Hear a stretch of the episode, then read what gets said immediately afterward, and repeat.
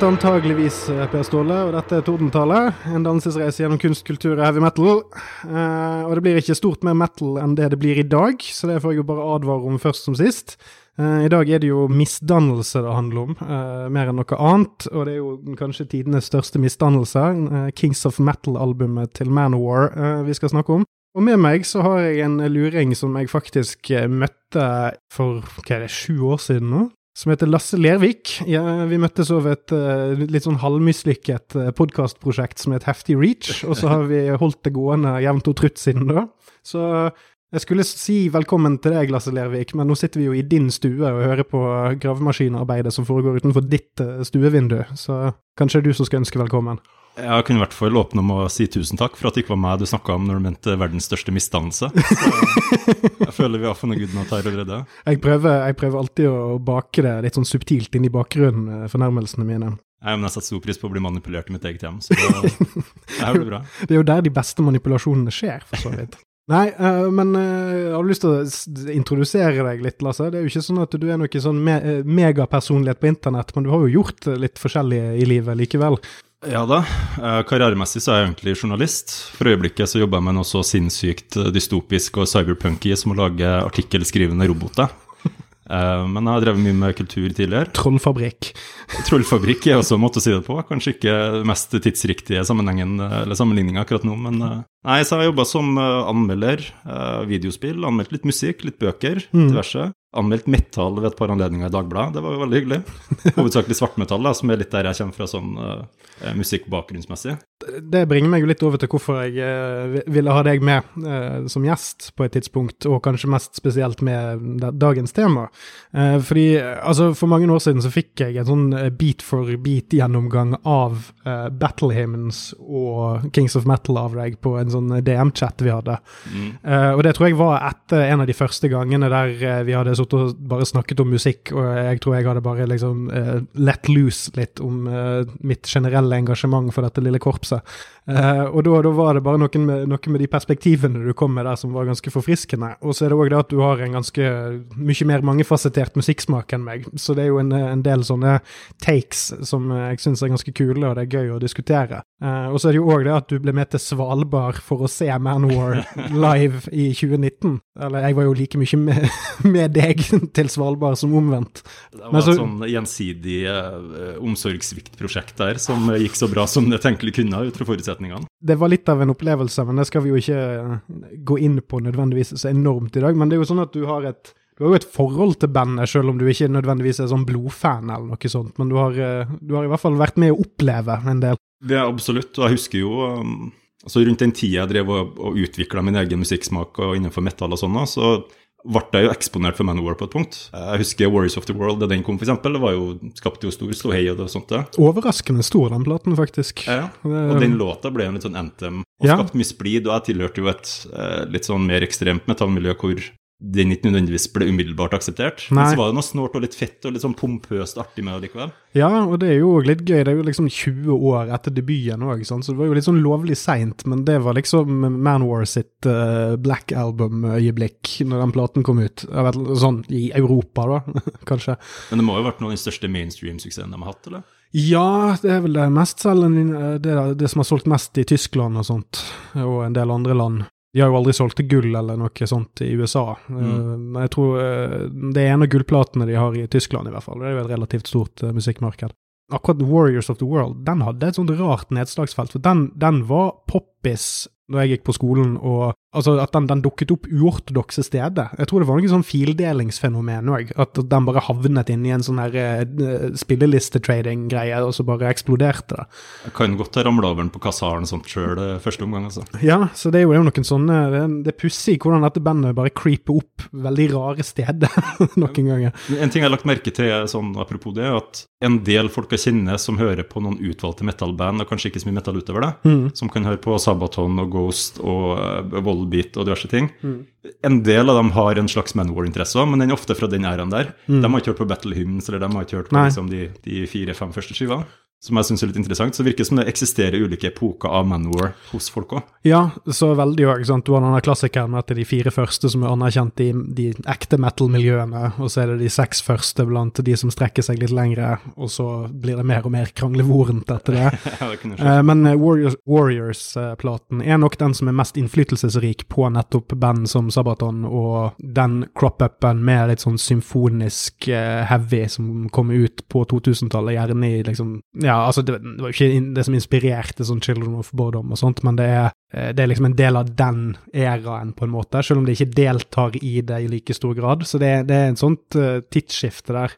Så de, de, platene de ga ut på 2000-tallet, og låtene de ga ut noen EP, de er litt mer i en litt annen stilart. Selv om det er Manwar 100 så er det mm, fremdeles en litt sånn Det er en litt ny sound på det tiåret enn det var på 90-tallet. Mm. Men de har jo egentlig aldri holdt en sound så lenge av gangen, egentlig. Eh, til tross Iblant så sliter de jo med å gjøre det på ei skive. Så. som vi skal komme tilbake til. Nei, for at, eh, det, det, kan vi jo, For å få oss litt back on track her, så er det jo det at um, Ja, så, så, det var den ene tingen. at altså, Jeg og du har jo diskutert denne platen før, så tankene mine gikk til deg uh, der. Så for å lansere en litt stor idé for diskusjonen, så er det det at dette er uh, på en måte finalen på uh, veldig mange plan for meg nå er det Den siste fra 80-tallet. det er den siste av de seks første skivene. det er den siste platen med Ross the Boss på gitar. Eh, som er originalgitaristen. Så det er en sånn, der er det òg liksom en, eh, en, en, slags spiker i en kiste. Eh, og så er det på mange måter det man kan kalle et kommersielt gjennombrudd for bandet, på noen plan, da. Det er jo snakk om størrelsesordene her. Og at det er en del ting som jeg kommer tilbake til seinere, som er her spikres det en del ting. Ja, det er litt sånn teppet til uh, Lebowski. Det knytter rommet sammen. ja.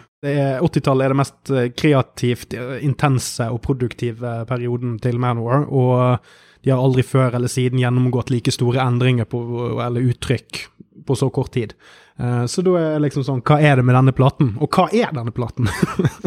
ja, jeg har jo hørt en del på den siden du fortalte meg at vi skulle spille inn opplegg her, og mm. Jeg syns nesten den endrer litt karakter hver gang jeg hører på den. Det, det er et sinnssykt sånn, sammensurium av forskjellige ideer, og det er noe megalomani og noe overutvikla diverse ting her. Det er overutviklet, tror jeg er, er ordet. Den har fått mutere litt i en eller annen petriskål på et punkt? Ja, det, det, er noe, det er noe grønn gugge rett ifra teknodromen eh, som er, er i verk her, altså. Og apropos gugge og steroider og sånt, så kan vi jo egentlig bare gå i gang med platecoveret. Fordi det, det, er jo den røde troen i disse Manwar-episodene mine, at jeg prøver å Samtidig som jeg går litt gjennom musikken, så er det liksom Hva er det med coverene? Og uh, her er det en del nye ting, en del gamle ting, og uh, jeg syns at coveret setter liksom standarden litt for det som er innholdet. Fordi dette er den første gangen uh, denne Manwar-krigeren dukker opp, The Faceless Warrior en sånn prototype av han på coveret til Hail to England og sånn, men her er det første gangen han dukker opp liksom ansiktsløs og med liksom kostyme på plass og, og sånne ting. Så det er på en måte ferdigstillingen av én type uttrykk som de liksom har leitet etter. Her er maskotten på plass, liksom. Og han er på alle platecoverne siden. Eh, sånn blodig og i skinnbukse og slitt seg fra lenke, ikke minst. Sant? En sånn gjennomg gjennomgangstema, dette med å være lenket fast eller stukket i ryggen og litt sånn. Det er sånn Flere steder ser du at han Ja, jeg lurer på om det er meningen at det skal se ut som noen har stukket spyd i ryggen på han, eller et eller annet sånt. Eh, og så er det noen andre elementer da, på selve bildet som er både fra det, denne platen og fra tidligere albumcover. Eksempel så holder han en ring som da refereres til i The Crown and the Ring senere på platen. Under han er det en krone, det er fra samme låt. Eh, sverdet han holder er det jeg har likt å kalle fogelsverdet, eh, av at det er en sånn ørneklo og litt sånn. Det dukket opp allerede på Battle Hymns-coveret, og har liksom vært på, på alle sammen, bortsett fra Sign of the Hammer.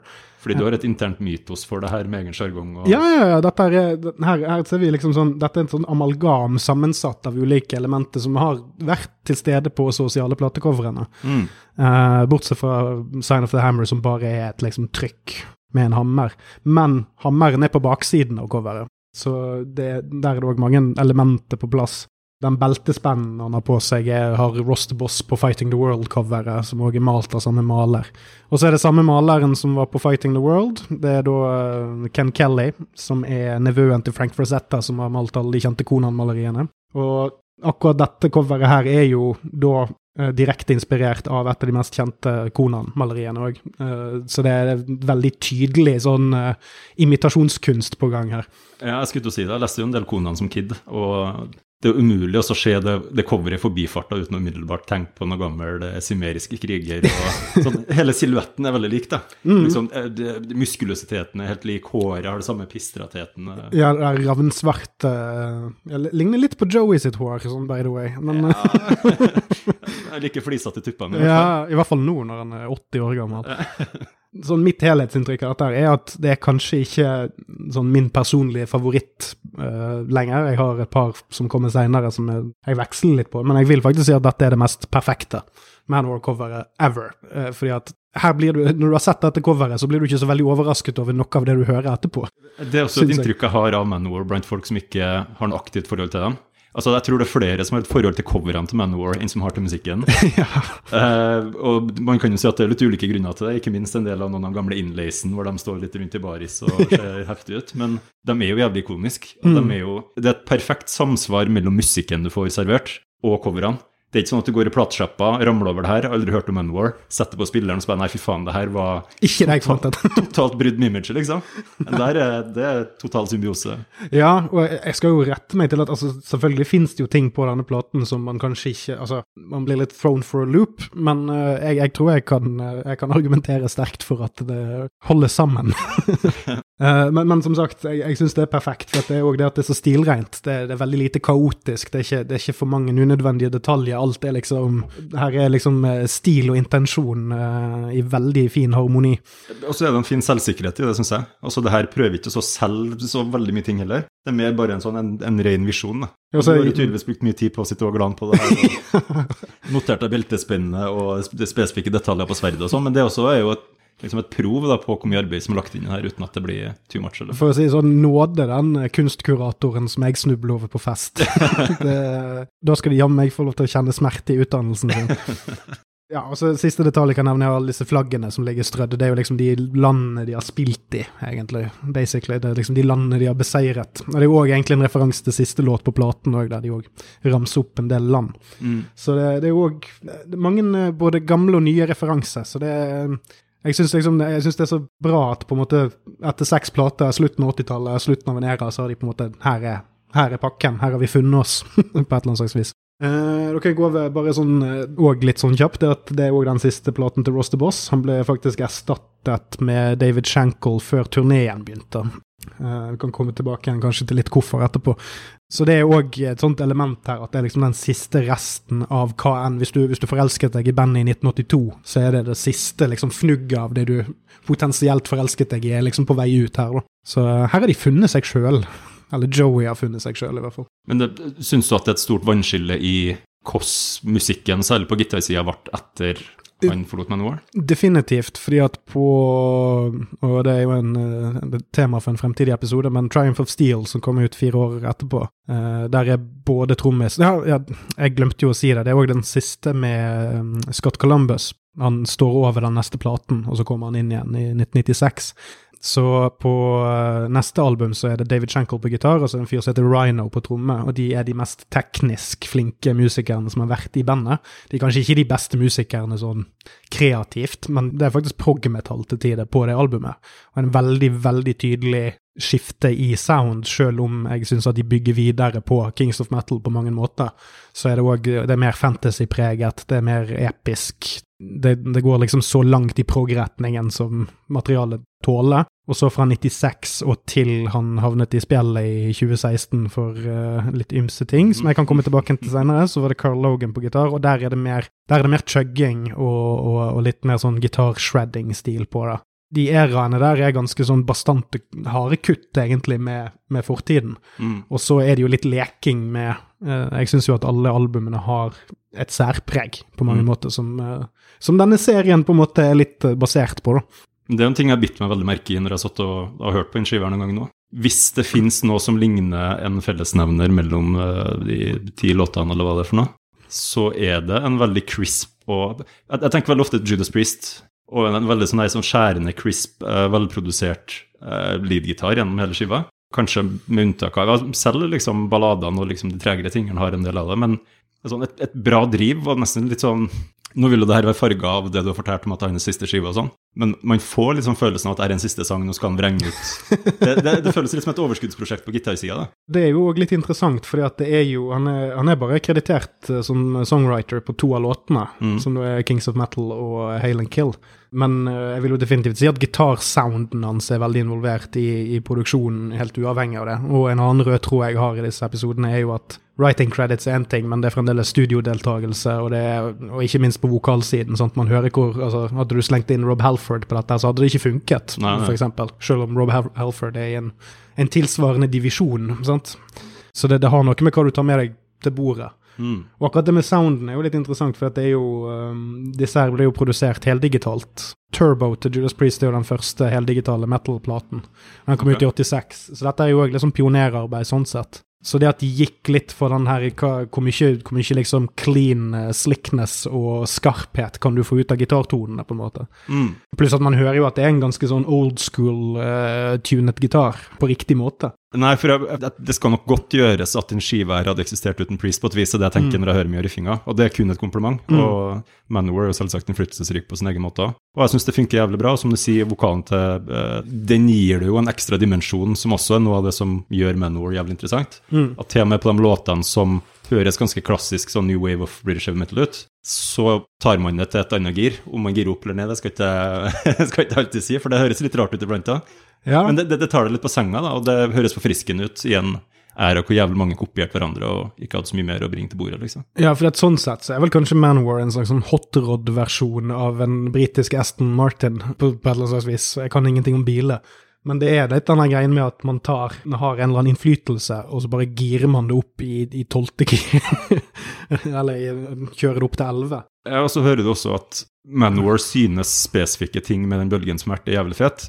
Men det har aldri vært noe tvil om at de ønsker å gjøre det på Manowar-måten.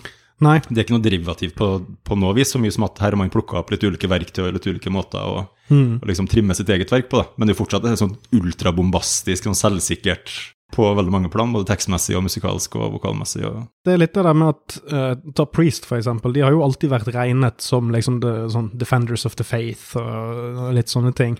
Og, og kanskje det første pure heavy metal-bandet av de første. Altså, de var på en måte De omfavnet sjangeren før Sabbat gjorde det, for eksempel. Forskjellen der tror jeg det er at Manwar er liksom det bandet der man bare på et tidspunkt bestemte seg for at ja, men hvis, hvis det er sånn at altså det, det å, å, å synge om rock and roll er en del av rock and roll music, så må det være det å synge om metal være den definitive versjonen av å synge metal. Og at, og, at blues ofte handler om å ha the blues. sant? Så ja. ja ja, da må vi synge om at vi er jævla tøffe, da. det er jo den eneste logiske konklusjonen du kan trekke. Som, som er en sånn erkeamerikansk greie med å bare trekke ting til sin ikke, ja, Om ikke den logiske, så i hvert fall den, den mest åpenbare, nærliggende konklusjonen. Ja, ja. Samtidig så er det også noe litt skjønt med hvor tydelig Manowar har vært på å anerkjenne innflytelsen sin fra Storbritannia og sånn. Mm. Har jo skiva dedikert til England, liksom. Det er jo litt uamerikansk i seg sjøl. Det er jo et land som er veldig glad i å, å høre om ting 30 år for sent, og så late som de fant det opp. Og så bare hive en milliard muskler på det i form av liksom, mennesker eller penger eller hva det måtte være. Og så bare prøve å gjøre det bedre. Det har de gjort med utallige sjangere. Men kanskje er Manowar et av bandene som lyktes best med det, men fortsatt på liksom britiske premisser. Det syns jeg er ganske fett. Og så er de jo òg notorisk upopulære i nettopp USA. Så det er jo en, en veldig sånn Det er det mest amerikanske metal-bandet jeg vet om, og så har de bare suksess i Europa. Spesielt sånn ja, Sentral- og Nord-Europa. For det er vanskelig for å se for meg et britisk Manowar som er så jævlig i trynet ditt kvalmsekk om at de er metallgudene, liksom. Ja, ja, men du, du kan ikke gjøre det i landet som ga deg eh, Monty Python, liksom. Det er ikke, det, fordi det er for mange som liksom står og kaller deg en twit på siden, og du er, du er litt usikker på deg sjøl. Jeg kan ikke komme på puben etterpå, da blir det bråk. Stephen Fry hadde jo en sånn betraktning om for eksempel forskjellen mellom britisk og amerikansk humor. For i amerikansk humor så handler det ofte om at det er noen som er bedre enn noen andre som er hovedpersonen. Mm. Sånn som Jerry Seinfeld er på en måte Han er bedre enn alle rundt seg, eller smartere. Han på en måte bare observerer og gjør narr, i snitt, da. Sant? Eh, mens du har eh, Blackadder i uh, den samme serien med samme navn. Han, han gjør narr av folk, men det er ingen som merker det. Sant? Altså, han, han blir alltid tråkket på. Han, han vinner aldri. Det er alltid en sånn klassegreie involvert. Uh, og det tror jeg òg er samme greien med musikken. At det er noe med at amerikanerne har en sånn kulturell selvtillit som er veldig uforenlig med, med det britiske. Og da tror jeg at den der eh, stompelysten de har i nesten alle musikksjangre, eh, kommer litt av det òg. Altså, Mm. det, er- det er liksom miksing og matching av kulturer. Så konklusjonen er at Manowar er heavy metalens svar på Blackadder. ja. Um, nei, men la oss uh, hive oss over låtene, da. Vi pleier, jeg pleier å kjøre en sånn play-by-play. Og uh, første låt på side én er jo da jeg, jeg forholder meg til vinyl, selvfølgelig, at jeg har jo gått inn i en sånn middelalderpsykose etter at covid kom. Og åpningssporet er Wheels of Fire. Jeg kan bare starte med, med min lille sånn greie med det, at jeg syns det er en fantastisk god åpningslåt, og den har òg det var den eneste låten på platen som på en måte knyttet tilbake igjen til 82, da. Fordi debutplaten er egentlig veldig sånn biker-rock. Og dette er det nærmeste man kommer biker-rock på denne platen, men det er bare tematisk, for det er en sang som handler om å kjøre brum-brum med bil. men altså, sant, så det er jo ikke egentlig motorsykler heller, jeg har inntrykk av at det er en sånn speedster-bil eller noe Ja, sånt. ut fra hjullyden så ville jeg sagt en bil, men Ja. jeg har jo ikke lappen engang, så hva faen. du blir hentet med sånn egen sånn buss her ute om morgenen. Uh, bortsett fra det tematiske, så er det en radikal endring, for der kommer jo de her priest-greiene inn. At det er kanskje den mest priestete låten på hele platen, syns jeg. Ja, det er ikke jeg enig men uh, Vil du elaborere? ja, Nei, jeg tenker vi kunne ta det. Jeg syns jo uh, Hail and Kill har jo noe veldig priest ved seg. Mm. Eh, og jeg syns det er en del introbrekk litt senere og sånn også. Vi kan ta det litt når vi kommer til de låtene, men bare for å fortsette litt på det du sa, så syns jeg det er et sinnssykt ballsy åpningsspor. Og jeg tror at hvis du plukka den skiva her ut fra hylla, kanskje fordi du så det rå coveret i en platebutikk i Brønnøysund, eller hva faen det var på 80-tallet Spesielt Brønnøysund. Spesielt i Brønnøysund. Eh, og så starter jeg med det her. Mm. Jeg vil ikke si at det, den er indikativ på hva du får på skiva, men den er så sinnssykt, og den tar så balletak på deg, og den stopper aldri. Det er liksom, det er ingen rolige brekk, det er ingen overgang eller bridge eller noe som helst. En sånn en nådeløs eh, Peril to the metal, nå skal vi råkjøre hele natta-type låt. Alt er, alt er skrudd opp her. Det er sånn alt, altså Bortsett fra det melodiske. Altså Det er jo melodi her, det er jo ikke det, men bortsett fra det melodiske så får du på en måte en forsmak på en del av toppene seinere på platen. Du bare får det jævlig fort. sånn, så den er veldig sånn noen chuggete stopp, lynende gitarer, og, og en ganske sånn frenetisk gitarsolo òg. Det er kanskje en av de mest sånn Altså, Ness altså det, det er ikke Slayer, sant? det er ikke det, men det, det, er litt i, det lener seg litt i den retningen. Sant? Det er sånn nesten sånn at vi kan nå altså bare glemme skalaet og bare Ikke at det er det, men det, du, man hører at det er et slags sånn Det er kanskje litt inspirert av eh, den thrash-atmosfæren som Mm. var eh, på samme tid òg, at det, det er et litt sånn det er ikke en kopi av thrash metal, men det er, det er veldig sånn Manowar sitt svar til thrash metal, på en måte. Jeg syns det drivet den har også er litt Nå er jo sounden ganske, ganske annerledes, men det er nesten litt sånn Motorhead-driv over den til tider. Men Ja. sånn, og det der galopperende og det Mm. der sånn du har, ikke noe, du har ikke noe intuitiv følelse om når riffet kommer til slutt. Når liksom energien går tom på noe vis. Det er, Mm. ikke noe, det er en vanskelig låt, tror jeg, hvis ikke du har hørt den noen gang, å bedømme når er det noen form for overgang her. Og så syns jeg den er litt punka på en måte. Jeg synes det er sinnssyk energien. Det er litt artig at du sier punk er ikke noe jeg tenker på med Manwar generelt, men eh, det, det som òg er veldig rått med denne her, syns jeg, er at her er produksjonen slick som faen. Altså, det er sånn Dette er et av mine go to-album for å på en måte demonstrere hvordan produksjon og sound kan komplementere hverandre. For her er det sånn at det er ingen motstand i studio som på en måte forhindrer Altså, her, her, her føler jeg at de har funnet det de leter etter. Det er ikke for mye, og så er det skarpt. Det er jo ikke så mye bottom end, på en måte, men det, det er veldig sånn on par for den tiden. Det var ikke så veldig mye buldrebass. Mm. Og, og det merker man en drastisk forskjell på fra forrige plate, som, altså Fighting the World, som kom ut året før. For Mm. der, den, den har òg en god studio-sound, på en måte, men det er første gang de leker seg med det utstyret. Det var på en måte en blueprint for dette albumet. Mm. Og jeg syns at her har de virkelig funnet ut hvordan de liksom emper opp sine største fordeler. Og det demonstrerer uh, Wheels of Fire jævlig bra, syns jeg. Eh, og for eksempel så er det her det er en mye sånn venstre-høyre-kanalveksling, og det kommer til å dukke opp seinere på albumet òg. Og det skyldes nok mest sannsynlig at Joey oppdager et sånn left channel, right channel-knappene på miksebordet. Altså, jeg, jeg tror både Wheels of Fire som låt og Joey som person har udiagnostisert voksen ADHD.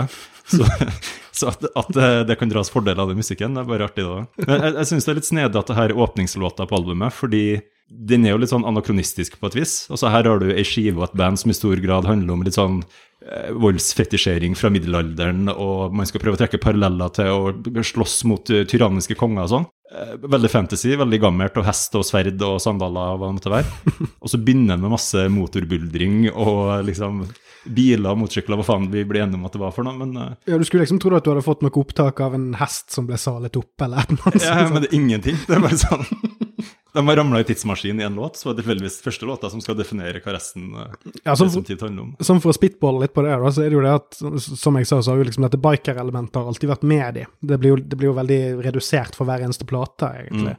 Eh, det er noe som, som dukker opp igjen, i hvert fall så seint som uh, Louder Than Hell. På slutten av 90-tallet spilte de det veldig opp på liveshow og sånt. Istedenfor Rob Halford sin ene motorsykkel, så kom de inn med fire, for eksempel. Eh, men men uh, dette med motorlyd og sånt, det er, jo, det er jo Jeg tenker på ett vis er det jo det, altså hva, hva er biler og motorsykler lagd av? Jo, det er jo metall. Så det er jeg tror ikke det er et bevisst valg, men jeg tror at grunnen til at tankene går der for en del rockere og sånt, er fordi at det er en sånn Det er noe som kobles sammen nesten litt underbevisst. Ja, er er, du tøff, så hører du på tøff musikk. Ok, er du tøff, kjører du motorsykkel. Er du tøff, så hører du på ting som du kan høre på mens du kjører motorsykkel. sant? Eh, så det, det er noe du kan eh, si er en litt sånn her eh, perifert tilknyttet tematikken. Jeg kan jo dra en liten trivia-bit til det. at Det her er den første Manowar-låta fra 80-tallet jeg fikk noe forhold til. ja. Og det er jo fordi, eh, i tillegg til at jeg har hørt mye på metal og diverse, så har jeg også vært eh, litt i overkant investert i norsk rapp, og særlig eh, trøndersk rapp. Og det er jo en, eh, en sånn kultrapper fra Trondheim som heter Shitrich, som alltid har vært, eh, vært veldig kontroversiell, og som eh, har masse referanser til, rap, eh, til rock og metal i musikken sin. Han starter en låt som heter 'Postordremakkers'. Den tittelen er kanskje bedre diskutert i podkast om rus enn her, men eh, Nei, nei, men her er var jo med crossover appeal, det er helt i orden, det. Altså, det er jo en låt som handler om å bestille seg eh, amfetamin fra en øy utenfor Trondheim, som begynner med et knallhardt lite Ford-sample, og så går den over i den nasale, eh, harde, rare rappinga hennes, og så avslutter den, for på det tidspunktet her så hadde han beef med noen østlandsrappere, som kalte seg Vannskapt mannskap, med Kim og Roma og en del sånne andre ganske profilerte norske rappere. Og bare for å illustrere hvor sint han var på dem, så hadde han lyst til å lage en outro eh, hvor han eh, skjøt dem i en drive-by. Så da har han sampla uh, Wheels of Fire. Sampla jævlig mye av den. Du har jo hørt det sjøl, det er jo nesten to minutter. noe sånt. Ja, det er halvannet til to minutter, så vidt jeg husker, i farten. Og Bare med buldring og bråk, som ender med at eh, det er noen sånne grenselyder, og så tar han og skyter en maskinpistol mens du hører musikken deres i bakgrunnen. Jeg, jeg var ikke klar over at det var Manowar så lang tid. Uh, men når jeg, når jeg hører gjennom skiva på nytt igjen nå, og ikke minst når jeg hører det du sier om tankene dine om liksom, metall og uh, kullos og MC og sånne ting, så liksom, du, føler deg, du føler deg litt fet, du føler deg litt som en biker når du hører den låta. Føler deg litt skurk, rett og slett. Ja, og det er jo sånn til tross for det, det image, eller altså sånn populæroppfatningen av bandet, som er litt komisk. Det er jo det jeg prøver å unngå å grave meg for mye ned i her, men det er jo et Altså Det er jo nettopp det der at siden de er så ekstreme, så blir det veldig parodisk for de som ikke vet hva, hva som er bra her i livet. uh, men det er jo det som er tilfellet med denne låten, her, er at den er faktisk beint ut det den utgir seg for å være. En dritkul låt om å kjøre bil. Eh, Det er ikke sånn at du på noe tidspunkt tar deg i at dette er litt over the top. Nei, om det nå synes Manowar er bedre til enn de aller fleste band, så er det det der med å dra spøken så langt, kan du si. Bare altså dra alvoret så langt at du kan ikke kødde med det lenger. Altså Nå har du liksom, nå har du tøyd den strikken så langt at det er ikke noe, er ikke noe rom for at de ikke vet hva de holder på med, liksom. Ja, og for å spinne litt videre på det, så den Jeg har jo en doktorgrad i astrofysikk, som alle vet. eh, Og der er det jo en, en teori om eh, krumningen av verdensrommet. At hvis du fortsetter i én retning, hvis du hadde hatt en hyperdrive som liksom drev deg, og bare kjørte beint fram, eller rom, rom, romversjonen av å kjøre beint fram, så ville du til slutt endt opp på samme sted som du startet. Og det er litt det forholdet jeg har til Manowar, og tekstene deres. og generelt hva de driver med. Nei, Jeg har jo ingen doktorgrad i astrofysikk, så jeg skjønner ikke en dritt av hva du mener, men det hørtes veldig kult ut. Det går helt rundt. sånn. Som et eh, hjul, for eksempel. Men sånn, sånn at vi på et eller annet slags vis skal komme oss i mål, så må vi jo gå videre til låt nummer to, som er Kings of Metal. Da en av to uh, Ross the Boss uh, co-writes på albumet, som er Joey DeMayo. Og da har jeg egentlig lyst til å bare høre din take først, for jeg tror du har en, en radikalt annen oppfatning av den låten enn meg. Det er ikke så, så radikalt som det er mulig å få i denne konteksten. Det her er jo litt sånn erketypisk Manor for meg. Veldig sånn selvhevdende, veldig eh, Vi er metallens FN. Eh, vi har kommet her som velgjørere. Eh, vi vet- Nato. Nato. Det er både FN og Nato, det er litt EU, og det er noen eldgamle konstellasjoner fra The Age of Sail her og hele pakka.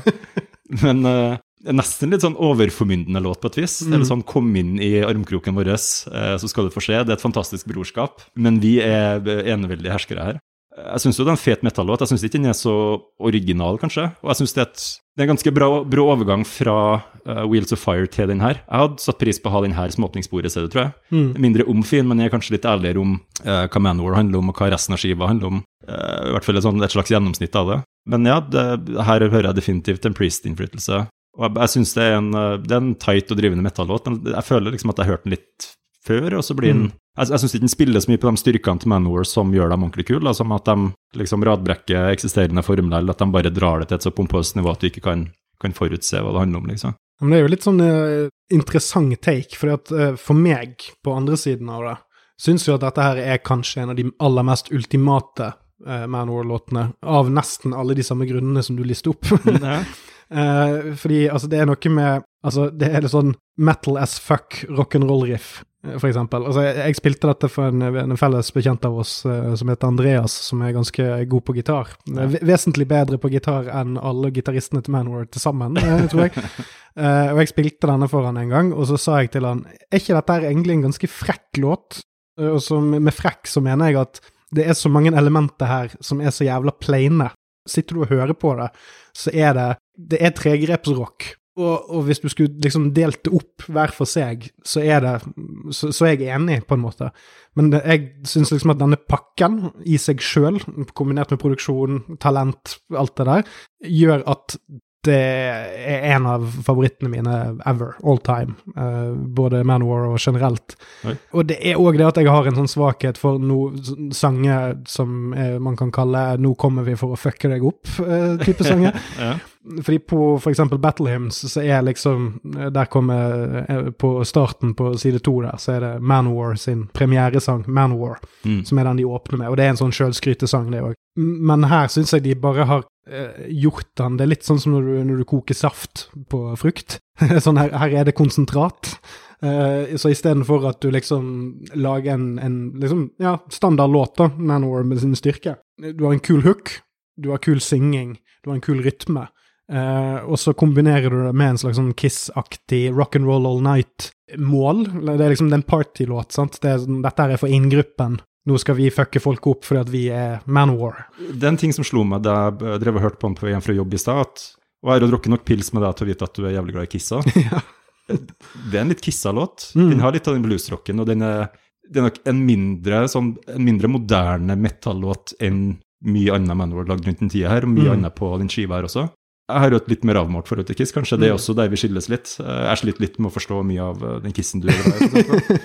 Og så er det noe Kiss jeg syns er dritfett, eh, er selvsagt, men den også er uten sammenligning på det albumet her, syns jeg. Den Mm. har ikke en sound som liksom Nei, og den har egentlig ikke Og det, når du sa det på chatten, så tenkte jeg òg på det. det er at de har egentlig omtrent ikke en låt ellers i diskografien som høres ut helt som denne heller. mm. Som gjør at den er jævlig kul å høre live, eksempel, når du er i rommet, men den, den eh, hvis du ser live, og det er, et, det er en issue med Manowar eh, liveopptak generelt, er at du får ikke helt fanget den romlyden som er, og det er faktisk en helt unik romlyd, det er ikke Mm. bare propaganda. Men, men at den mister et visst element uh, i et sånt clean liveopptak uten liksom Hvis du bare hører en mobilkameraopptak eller en litt dårlig student, sånn liveutgivelse eller noe sånt, så, så får ikke du helt den eksplosjonen. Og det er også en av de Mm. låtene da vi var på Svalbard som fikk publikum til å klikke mest. Og, Ja, og det, jeg er helt enig med deg at det var en helt annen opplevelse å se den live enn å høre den på skive. Sånn er det jo med noen sanger, selvsagt. Ja, og, og igjen, det er liksom eh, Jeg skrev en, eh, en linje i manuset mitt her sånn eh, Her går ostegrossisten tom for vare. La deg merke til at jeg kjøpte inn ekstra cheesy potetgull, forresten. Det var så apropos tema her. Uh, nei, men altså, som sagt, det, det, det er jo litt sånn morsomt at egentlig er, vi egentlig er helt enige om hva som skjer, det er bare hvorvidt det fenger. Uh, Ja, ja. Det er et eller annet med Her kan jeg jo nevne Eric Adams for første gang sånn skikkelig, for det, det, er, det er ingen andre vokalister som kan synge denne sangen og få deg til å tro på den, eh, for å si det sånn. For det er noe med Igjen, jeg har gjentatt det til det kjedsommelige på disse episodene, men det er en tro på ordene som blir, blir, sagt. Og da mener jeg ikke så mye at han faktisk er overbevist nødvendigvis når han går hjem og uh, legger ungene sine, men, liksom, men bare at fortellerteknisk er det et stykke arbeid han legger ned i så å si alle disse låtene her. Ja, og det er en gravitas her som uh, virkelig det, det er blodig alvor det er jo denne call and response-greien de òg legger inn på studioskiven, med et slags publikum som roper og svarer 'kick your ass' og 'man war kill' på call and responsen. Så det er den, den er jo skreddersydd for å på en måte propagandere. så og Det var en ting jeg la merke til med, med Manowar-konserten på Svalbard, som jo var min første, og uh, forhåpentligvis ikke siste.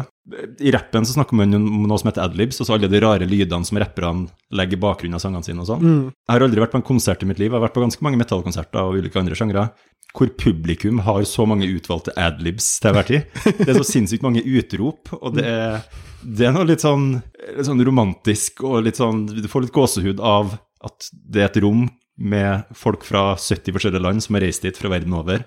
Og alle sammen har det felles stammespråket sitt, som bare sånn eh, rare middelalderske voldsfraser som regel. Og mye sånn eh, kill og liksom hele pakka der. Ja, Du kjenner jo Buffert fra podkast om rus. Eh, jeg og han var jo på en fest for en liten stund siden, og da fikk Buffert oppleve når to Manor natives møter hverandre ja, det... blant, blant, regulars.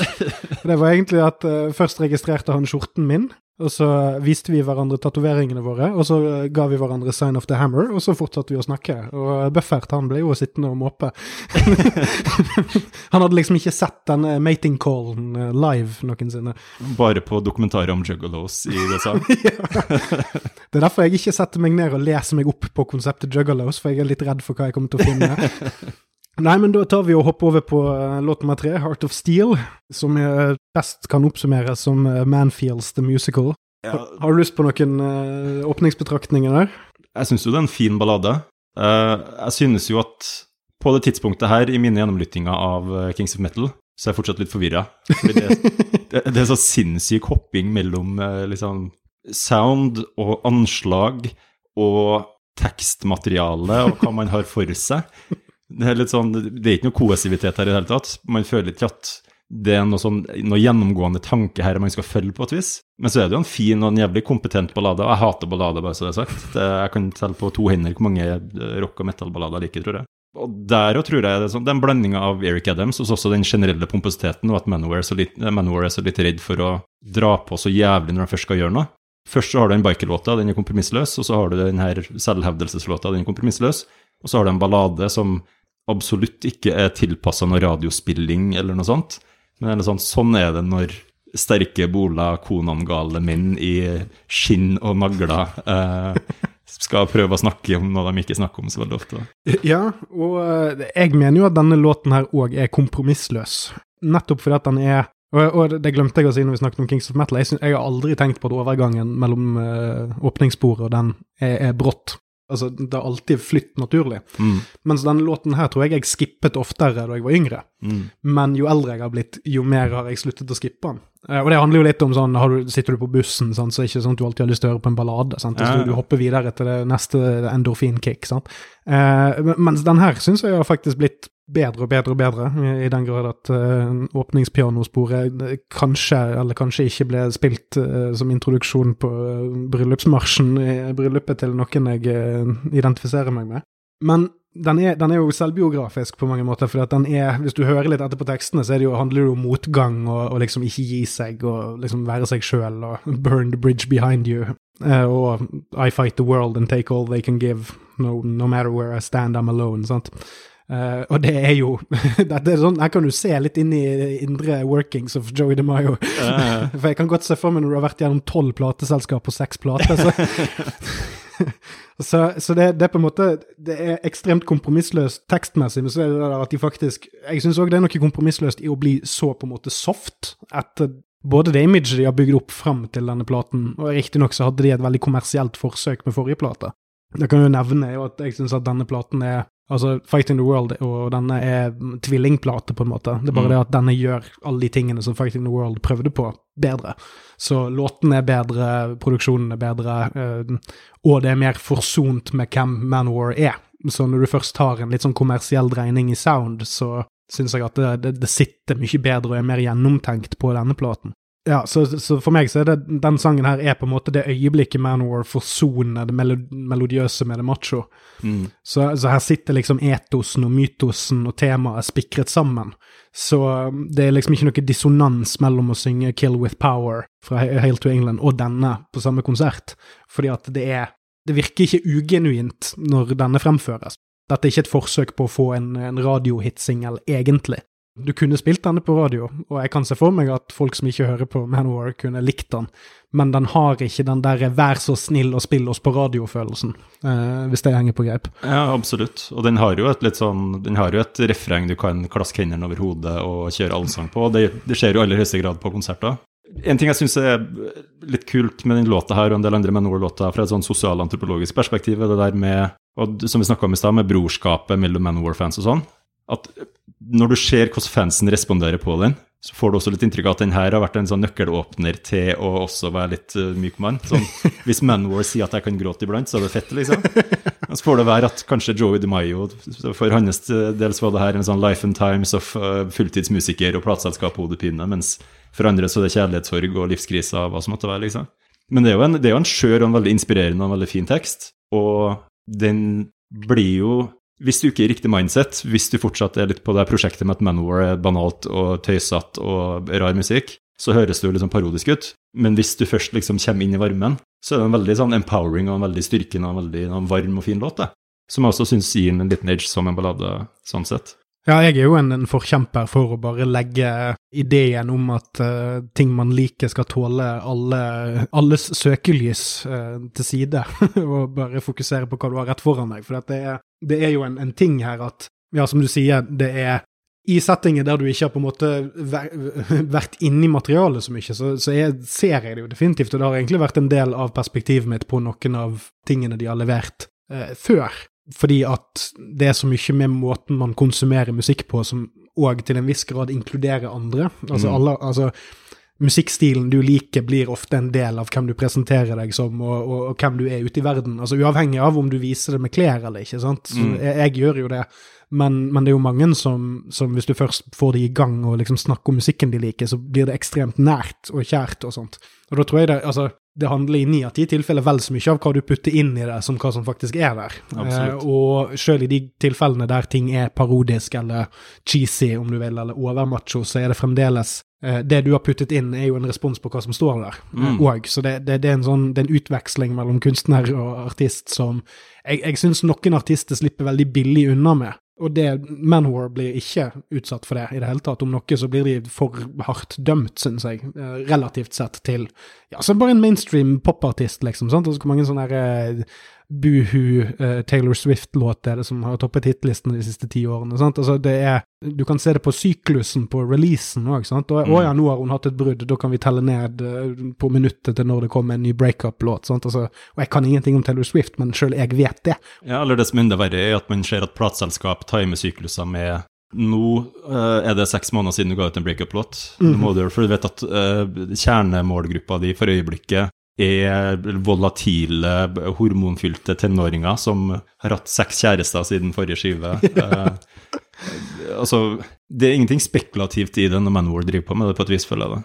Det syns jeg er et interessant aspekt med det. Det, det, er, ikke, det er, ikke, markedstestet i, i, spesielt stor grad. Eh, apropos markedstesting, eh, her kommer jo da eh, Nummer fire, Sting of the Bumblebee, som da er skrevet opprinnelig av Nikolai Rimski, Korsakov. Uh, adapted by Joe DeMaio. Lyrics transcribed by Bob Pjorun, står det. Jeg lurer litt på hva slags tekster det er som har blitt transcribed, og ja, jeg skjønner ikke helt hva som foregår.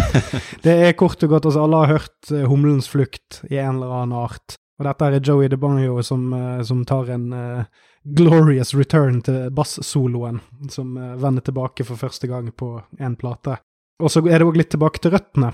Fordi at på første plate så eh, spilte han uh, Wilhelm Tell-overtyren eh, uh, på bass. Uh, mens nå er det òg et annet klassisk stykke som spilles. Mens på Hail to England og Sign of the Hammer så er det sånne freestyle støymusikk-soloer som han bare har funnet på i farten for å fylle opp platen. Så jeg, jeg, tenker med denne her, så er ikke den så skippable som de tidligere uh, bassoloene han har gitt ut på plate. Uh, her har han dessuten komp eh, med fra første sekund, med tromme og kombinert med korte gitaranslag og sånn. Så det driver trøkket i låten, og det gjør liksom det mer sammenhengende sonisk med resten av platen enn de tidligere bassoloene har vært. Eh, Når det er sagt, så er det jo òg en veldig skippable låt. Jeg skulle akkurat avbryte deg i stad der, men eh, og, øh, verk nummer fire i serien Hva i alle dager er det som foregår på dramaturgisk planlegging av et musikkalbum? Eh, det er et slags studium i å forvirre lytterne, tenker jeg. Men uh, den er jo godt gjennomført. Mm. Bassoloer, ja, altså, det er mye rart der som kan være kult å høre på likevel. Det var ikke alt uh, Cliff Burton gjorde som var sånn dritinteressant heller, men det var fett fordi han gjorde det på en bass, og fordi han gjorde det med gusto, liksom. Mm. Men uh, jeg forsto ikke hvorfor jeg skal sitte og høre på Manwar-skive, og skal jeg høre på Humlens flukt. Føler at den, var, den gikk ut på dato for 150 år siden, liksom. Ja, og det er en sånn, et sånt oppheng Joey DeMario har med å knytte heavy metal opp til to ting. Det er eh, Black Sabbath, uh, Ronny James Dio-greien, og så er det at det er en videreføring av Wagner og, og klassisk musikk og sånt. Og det er en sånn hard-on han har som jeg aldri helt har skjønt. Det, det er jo noe som dukker opp seinere. Han har vel én bassolo på uh, midt inni Achilles Agony and Ecstasy uh, på neste plate. Men den dukker ikke opp etter det, men han har jo et oppheng på klassisk musikk som dukker opp igjen på Gods of War fra 2007, for eksempel. Eh, og, og jeg skjønner ikke det behovet der. Eh, jeg, jeg lurer på det, jeg, jeg, får Hver gang han begynner på noen av de rentene der, så får jeg litt sånn inntrykk av at eh, liksom, nå har han kule onkelen din fått varmet deg opp nok, så nå skal han bare snike inn noe oppbyggelig som du kan si til mamma og pappa. Så, sånn her eh, sånn, hva, er det, hva er det onkel Roy egentlig Du har sittet og sett på voldsfilmer med onkel Roy eh, i eh, en langhelg når han passet deg. Sånn, nei, nei, men han lærte meg masse om, eh, om, eh, om Charles Dickens. En sånn ekstra ting du kan si til ditt forsvar Ja. eh, når, du, når, kom, når faren din kommer stormende inn. Hva er dette for slags skitt?! Jeg, jeg tror nok det mest formildende med den låta er for min del Jeg synes jo det har vært et bedre album om du bare fjerna den. Mm. Eh, Det mest formildende med den er at den får deg til å innrømme at alt er ikke bare rosenrødt og skjønt med Manor der. Jeg synes det er en sånn Det, det, det, det fremprovoserer en sånn tvungen nyansering av Manor, jeg synes det er fett. Men eh, liksom uforklarlig produkt, eh, der jeg ikke helt skjønner liksom Ja, jeg, jeg synes det er inspirerende og fint at Manowar gir såpass blaffen i hvordan ting skal være, at de har sitt eget malverk for det. Men den tar sånn puss, eller sånn, tar sånn lufta ut av meg når jeg har lyst til å bare sitte og høre på fet metal. da. Mm. Og altså, når du er ferdig med, med forrige låta også, så sitter du på en litt sånn fanfarisk og en sånn på en veldig stigende kurve og bare, fy faen, jeg er en fet fyr. Nå har jeg overskudd, nå har jeg lyst på noe enda mer som fortsetter samme stil, og så blir det en sånn uh, Django Reinhardt-dirring på en bassgitar. Det, sånn, det var en veldig sånn deep cut-referanse som jeg tror jeg må be deg om å utdype. Nei, Humlens flukt er jo en veldig klassisk For folk som spiller klassisk gitar, så er jo det et sånn eh, litt Fyr Elise pluss, pluss, pluss.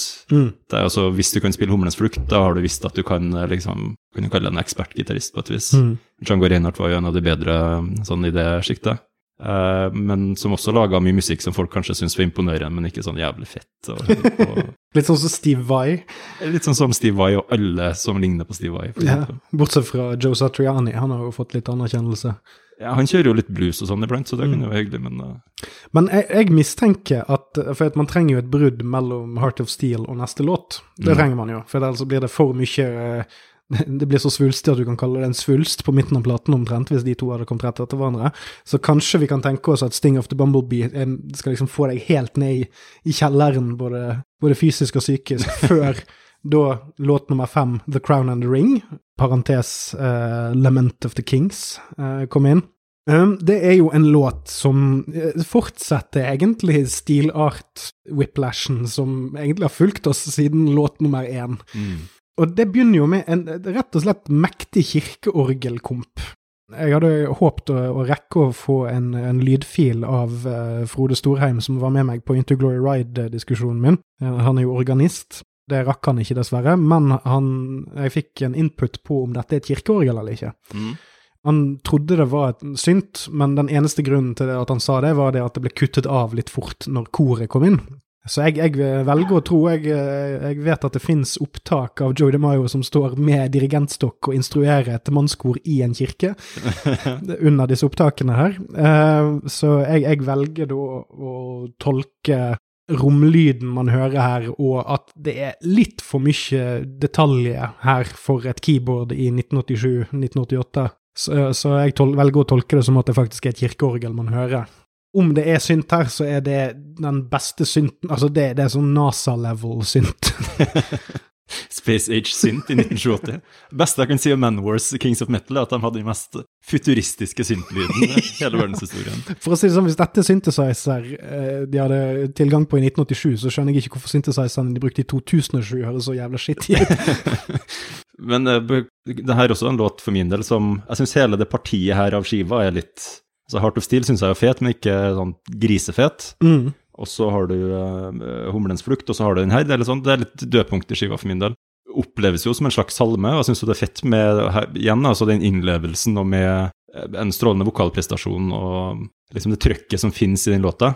Men er ikke en metallskive jeg sitter og hører på? Altså det, det blir litt ja, og det der er litt artig, for det der er en sånn ting som skjer på noen Manor-plater som er litt pussig. For eksempel uh, Warriors of the World begynner jo knallsterkt med Call to Arms, og så plutselig bare er hele side én av skiven Resten er covers, altså det er en Pavarotti-cover og en Elvis-cover, og det er to ballader.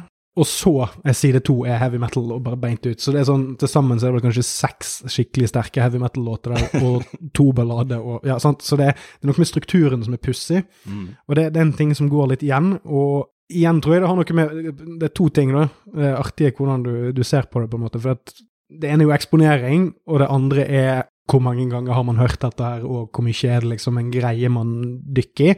Og det andre er hvor på en måte med på notene er du på denne delen av denne mytosbyggingen til Manowar. Mm. Uh, og, én en ting med den her er jo det, altså jeg syns den er knallsterk fra start til slutt, av mange forskjellige grunner. Uh, så kan man jo diskutere posisjonering på platen og alt mulig sånn. Og så er det òg det at den har også blitt brukt eh, som curtain call-tape på Manowar helt fram til den turneen vi så. Det er den første turneen de ikke brukte. Okay. Så den her har en sånn Ikke bare syns jeg at låten er bra, men den har òg en sånn her finalekvalitet ved seg som er veldig summerende igjen, på mange vis, men den er òg veldig sånn her Litt forløsende, rett og slett. Og jeg syns at den, det som er stilig med den, er at den, den tar det musikalske greiene som de leker litt med, med Heart of Steel, for Heart of Steel er egentlig en Altså, det er en metal, altså det, det er en metal-ballade, sant? Mens dette her er ikke det i det hele tatt, men det er likevel metal. Altså, det er det er kanskje derfor Sting of the Bumblebee er der først. fordi at når du først hører klassisk musikk på heavy metal, med, med heavy metal-instrumenter, så er det litt mer da er du litt mer forberedt på sjokket kirkeorgel og, og, og mannskor.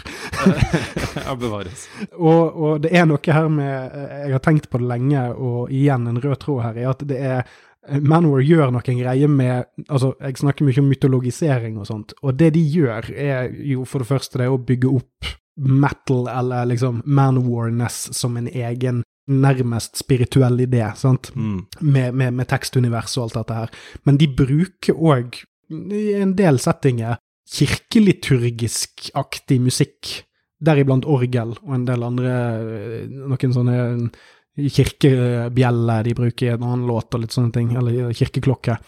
Og de bruker det til å synge basically en ode til Odin, spilt inn i en kirke. Altså, det, det, er noe med det å låne religiøse uttrykk fra noe du basically ikke respekterer i ditt eget univers, for å på en måte proppe opp din egen religiøsitet, som jeg finner ekstremt fascinerende, og det funker som bare faen, ikke minst. Det mest nærliggende for meg nå er å trekke paralleller til sekter og virkemidler på tvers av liksom eh, religiøse kulter og sånt, men det er derfor jeg har med meg denne hatten her, eh, Lasse, som du skal Om ikke du vil ta den på, så skal vi tvinge den på deg, jeg og mannskapet mitt etterpå. Så blir du rett med til den lille sånne enklaven vi har bygd ute i marka. Så deler vi ut saft. Du kan jo si at mitt forhold til Manwar har jo blitt veldig forsterka etter at vi ble, eh, ble, kompiser, og særlig etter at jeg så dem live og sånn. Jeg, jeg, tror at det siste biten som mangler for at jeg virkelig skal falle ned i Coolhead-gryta, er jo å begynne å tro på, altså begynne å lytte på de låtene her òg, med strak rygg, liksom. ja. Noe av det første du påpekte i dag, var jo også at altså, albumet har jo direkte referanser til den låta her på mer enn én måte. Så det er jo åpenbart at det her er jo en, en vesentlig del av totalpakka, og det syns jeg er noe av det, det interessante med Manowar, at du har de her fasettene av bandet. det ønsket om å sitte og spinne, som du kaller det, en mytologi rundt bandet, samtidig som musikken i hovedsak står på egne bein. Og for de som er interessert, og de som virkelig vil liksom delve inn, Mm. så har du også de, de ekstra brettene, da, de sidequestene som du kan, du kan styrke for å få litt ekstra law og for, for å få litt ekstra bakgrunn her, for å dra litt eh, spillbegrep. Ja, og det er jo litt artig. Det er jo uh, Tidligere i denne sesongen her så har jeg òg snakket om uh, Sign of the Hammer-albumet, som avslutter med Guyana. Som er en sang om, uh, om Jim Jones-kultens selvmordsmassakre. Og det slår meg jo nå, jeg husker ikke helt i farten når jeg nevnte det da, når jeg satt alene på rommet mitt og spilte det inn, men uh, det, kanskje det ikke er en observasjon så mye som en blueprint, den sangen der. Ja, vi vet jo at L. Ron Hubbard, som stifta Scientologkirka, var veldig interessert i å lese om liksom, mekanikkene som fikk sekta til å klikke og sånn. Ja. Det, og, og det her har vi snakka om på privaten før, og det er jo visse elementer med fandomen til Manowar som kan oppleves litt sekterisk. Yes. Eh, så er det kanskje ikke så veldig mye negativt med det utover at du drikker deg jævlig full på konsert, og at konsertene er jævlig dyr, men eh, Frontrowen er overraskende sober. Altså, jeg var den mest drita fyren på samtlige av frontrowene jeg var på på forrige turné. Så det, ja, for den gjengen her, det er arbeidsledige brasilianerne som har reist verden rundt for å se dem, må ikke råd til pils etterpå. og Konsertbilletten er jo 1200 spenn, så det er jo galskap. Og så er det jo også derfor jeg, jeg prøver å få inn en gjest en gang i ny og ne på disse episodene her, sånn at jeg ikke ja, sånn at dere ikke finner meg ute i Nordmarka, da. Med en sånn trehyttekonstellasjon og noen kidnappede trophy wives. Eh, Jeg kan jo komme med en eh, midlertidig betryggelse til lytterne, i hvert fall. Og det er at enn så lenge så er jeg eh, støttekontakt for Pistolet. Men han har lurt meg til å kjøpe billett til Manowar i Oslo, som dessverre ble flytta nå nylig. Så det er bare et spørsmål om tid før jeg å snuble i helsikes fart oppi, oppi gryta med styrkedråper her. That's how we get you. Nei, men altså, som, som for å runde av den her, så er det jo det at det er igjen en helvetes god vokalprestasjon. Og igjen fortellerteknisk, det, det, det er kjedsommelig, men likevel, det er Jeg vet ikke helt hvor, hvor mye jeg ra- rangerer den på hva jeg hører på av bandet i sum, men jeg syns det er en perfekt sang fra slutt, start til slutt, og den, den, den gjør akkurat det den har tenkt å gjøre. Og den bare stjeler patos fra hvor enn den har lyst til å stjele den fra, hele jævla veien. Og det er liksom sånn, her, her smelter de sammen det emosjonelle vikingaspektet og selvmytologiseringen. Sånn, altså i, I større grad enn Heart of Steel så drar de inn Manowar nesten enda mer her, da. Sant? Altså, synger Odin, I wait thee. Og så noe det siste han synger solo, er jo Ours is the kingdom of steel, som da er dette her eh, veldig ukonkrete metallkongeriket til Manwar. Altså The kingdom of steel er liksom bare der vi er konge, på en Mm. måte. Uh, som òg kanskje også kan trekkes ut på generelt grunnlag for dette albumet. Så jeg eh, Og dette mannskoret. Jeg, jeg digger jo for så vidt mannskor generelt òg. Ikke at jeg hører på det, og jeg liker orgelmusikk, selv om jeg ikke hører på det. Uh, Kanskje det her det kommer fra. Eh, Hvis ikke så er nok filmen heftig og begeistret. Nei, men da er vi omsider på side to, og ting begynner å bli enda mer pussig igjen. Altså, det, det, var ikke før vi satte oss ned nå, men det er noe med at det er ikke en en... Altså, med altså det er egentlig ikke en eneste sang her som kommer etter en annen sang der du skjønner helt hvor dette bærer. Det er jo da Kingdom Come, som er det jeg egentlig ville kalt den mest kommersielle låten på platen, fordi at den, den har Det er kanskje den eneste som sånn soundmessig skiller seg litt ut. Den høres ut som om den er litt mer radioorientert. Det er et eller annet med lyden der som bare er litt radio, som jeg ikke klarer helt å sette fingeren på hvorfor. Og er en av de mer sånn utypiske rockerne som uh, Manowar har skrevet. Det er en slags sånn fusjon av Carry On og Holy War fra Fight in the World. For det første så er det jo nesten en slags referanse til Kingdom of Steel, sant? Kingdom Come. Uh, og igjen, religiøsitet. Sant? Det er jo egentlig et bibelsitat. Mm. Thy Kingdom Come, eller noe sånt. Mm.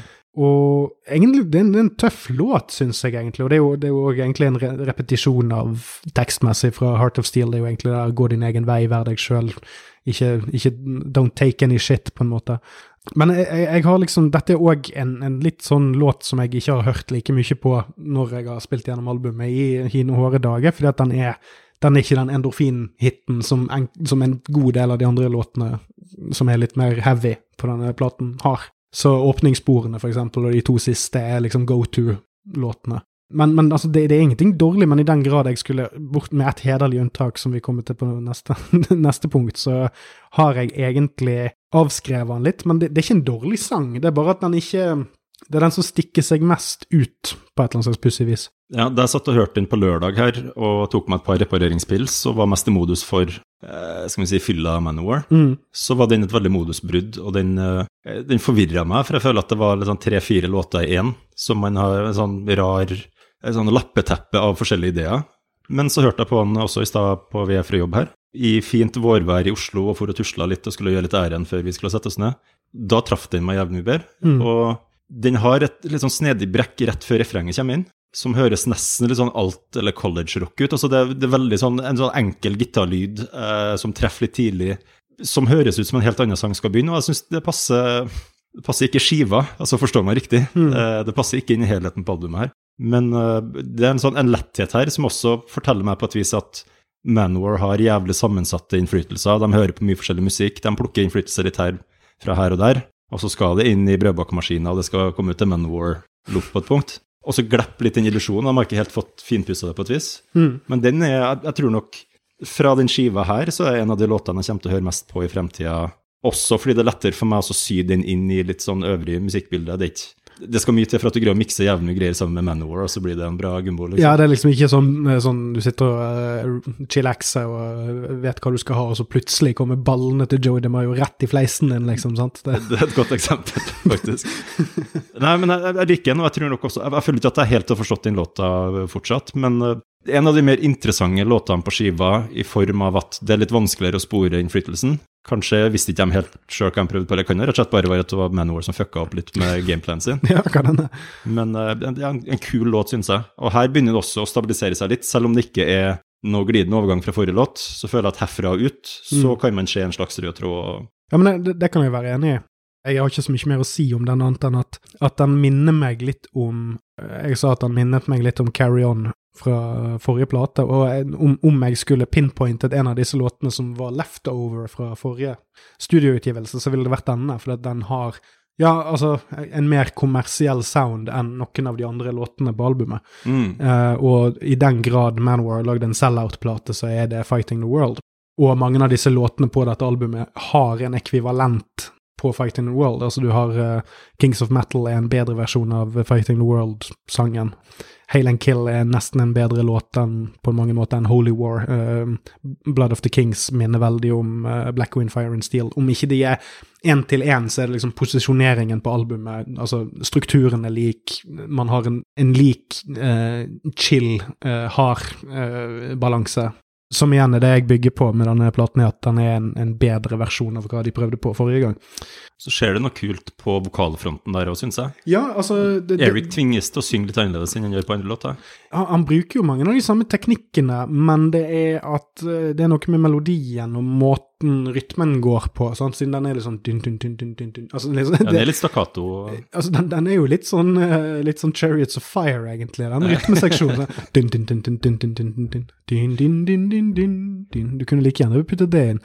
Nei, men at det er et eller annet med den oppbygningen der som gjør at han, han bruker egentlig alle de samme verktøyene som på resten av platen, men at, at den eh, det, ja, at det er noe med komposisjonen som gjør at kanskje han blir beveget til å gjøre litt andre ting. Ja, jeg føler at han står litt på tå hev når han synger der, eh, på et vis. ja, altså det, på mange måter kan du kanskje si at det er den låten der han utfordrer stilen sin mest. Mm. Uh, I hvert fall kontra Eller der, der er jo de balladelåtene egentlig der han presterer, for der, der bruker han på en måte chest voice og, og clean voice veldig mye og sånt.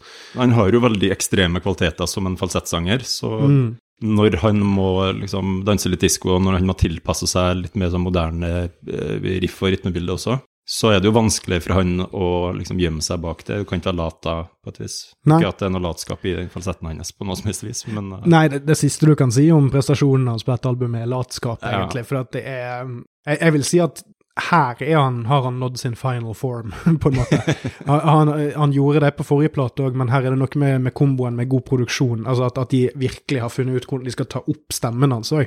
For han har alltid sunget bra, men, men det er liksom først på disse to siste platene at de har hatt litt god tid til å spille inn, og at, at liksom de har fått lov til å sitte litt i studio og tweake og, og ta flere takes og sånn. Altså jo, to av albumene deres er jo spilt inn på samme dag. sant? Altså, det, det, så det er altså her, altså på, fra 87 til 92 platemessig, så holder jeg ingen høyere på variasjon i prestasjonen på en vokalist, syns jeg, på et album. ja, absolutt. Jeg syns i hvert fall at der en del veldig gode metallvokalister i kraft er liksom eh, Eller sånn største kraft ligger i trykket og ligger i eh, innlevelsen og ligger i attituden og sånne ting, så greier Eric Adams ofte å elevere det til at ok, men det her er en, en klassisk godt trent falsettsanger Mm. som gir det ekstra trykk, og som gir det en renhet, og som gir det en Da merker du veldig godt på den skiva, som du sier også, at det er han, han får mulighet til å vise seg som den klassisk trente sangeren han er også, da, ikke bare som en metallvokalist. Det Ja. synes jeg merkes veldig godt. uh, Ja, for han- er en god tekniker. Jeg har sett en, er en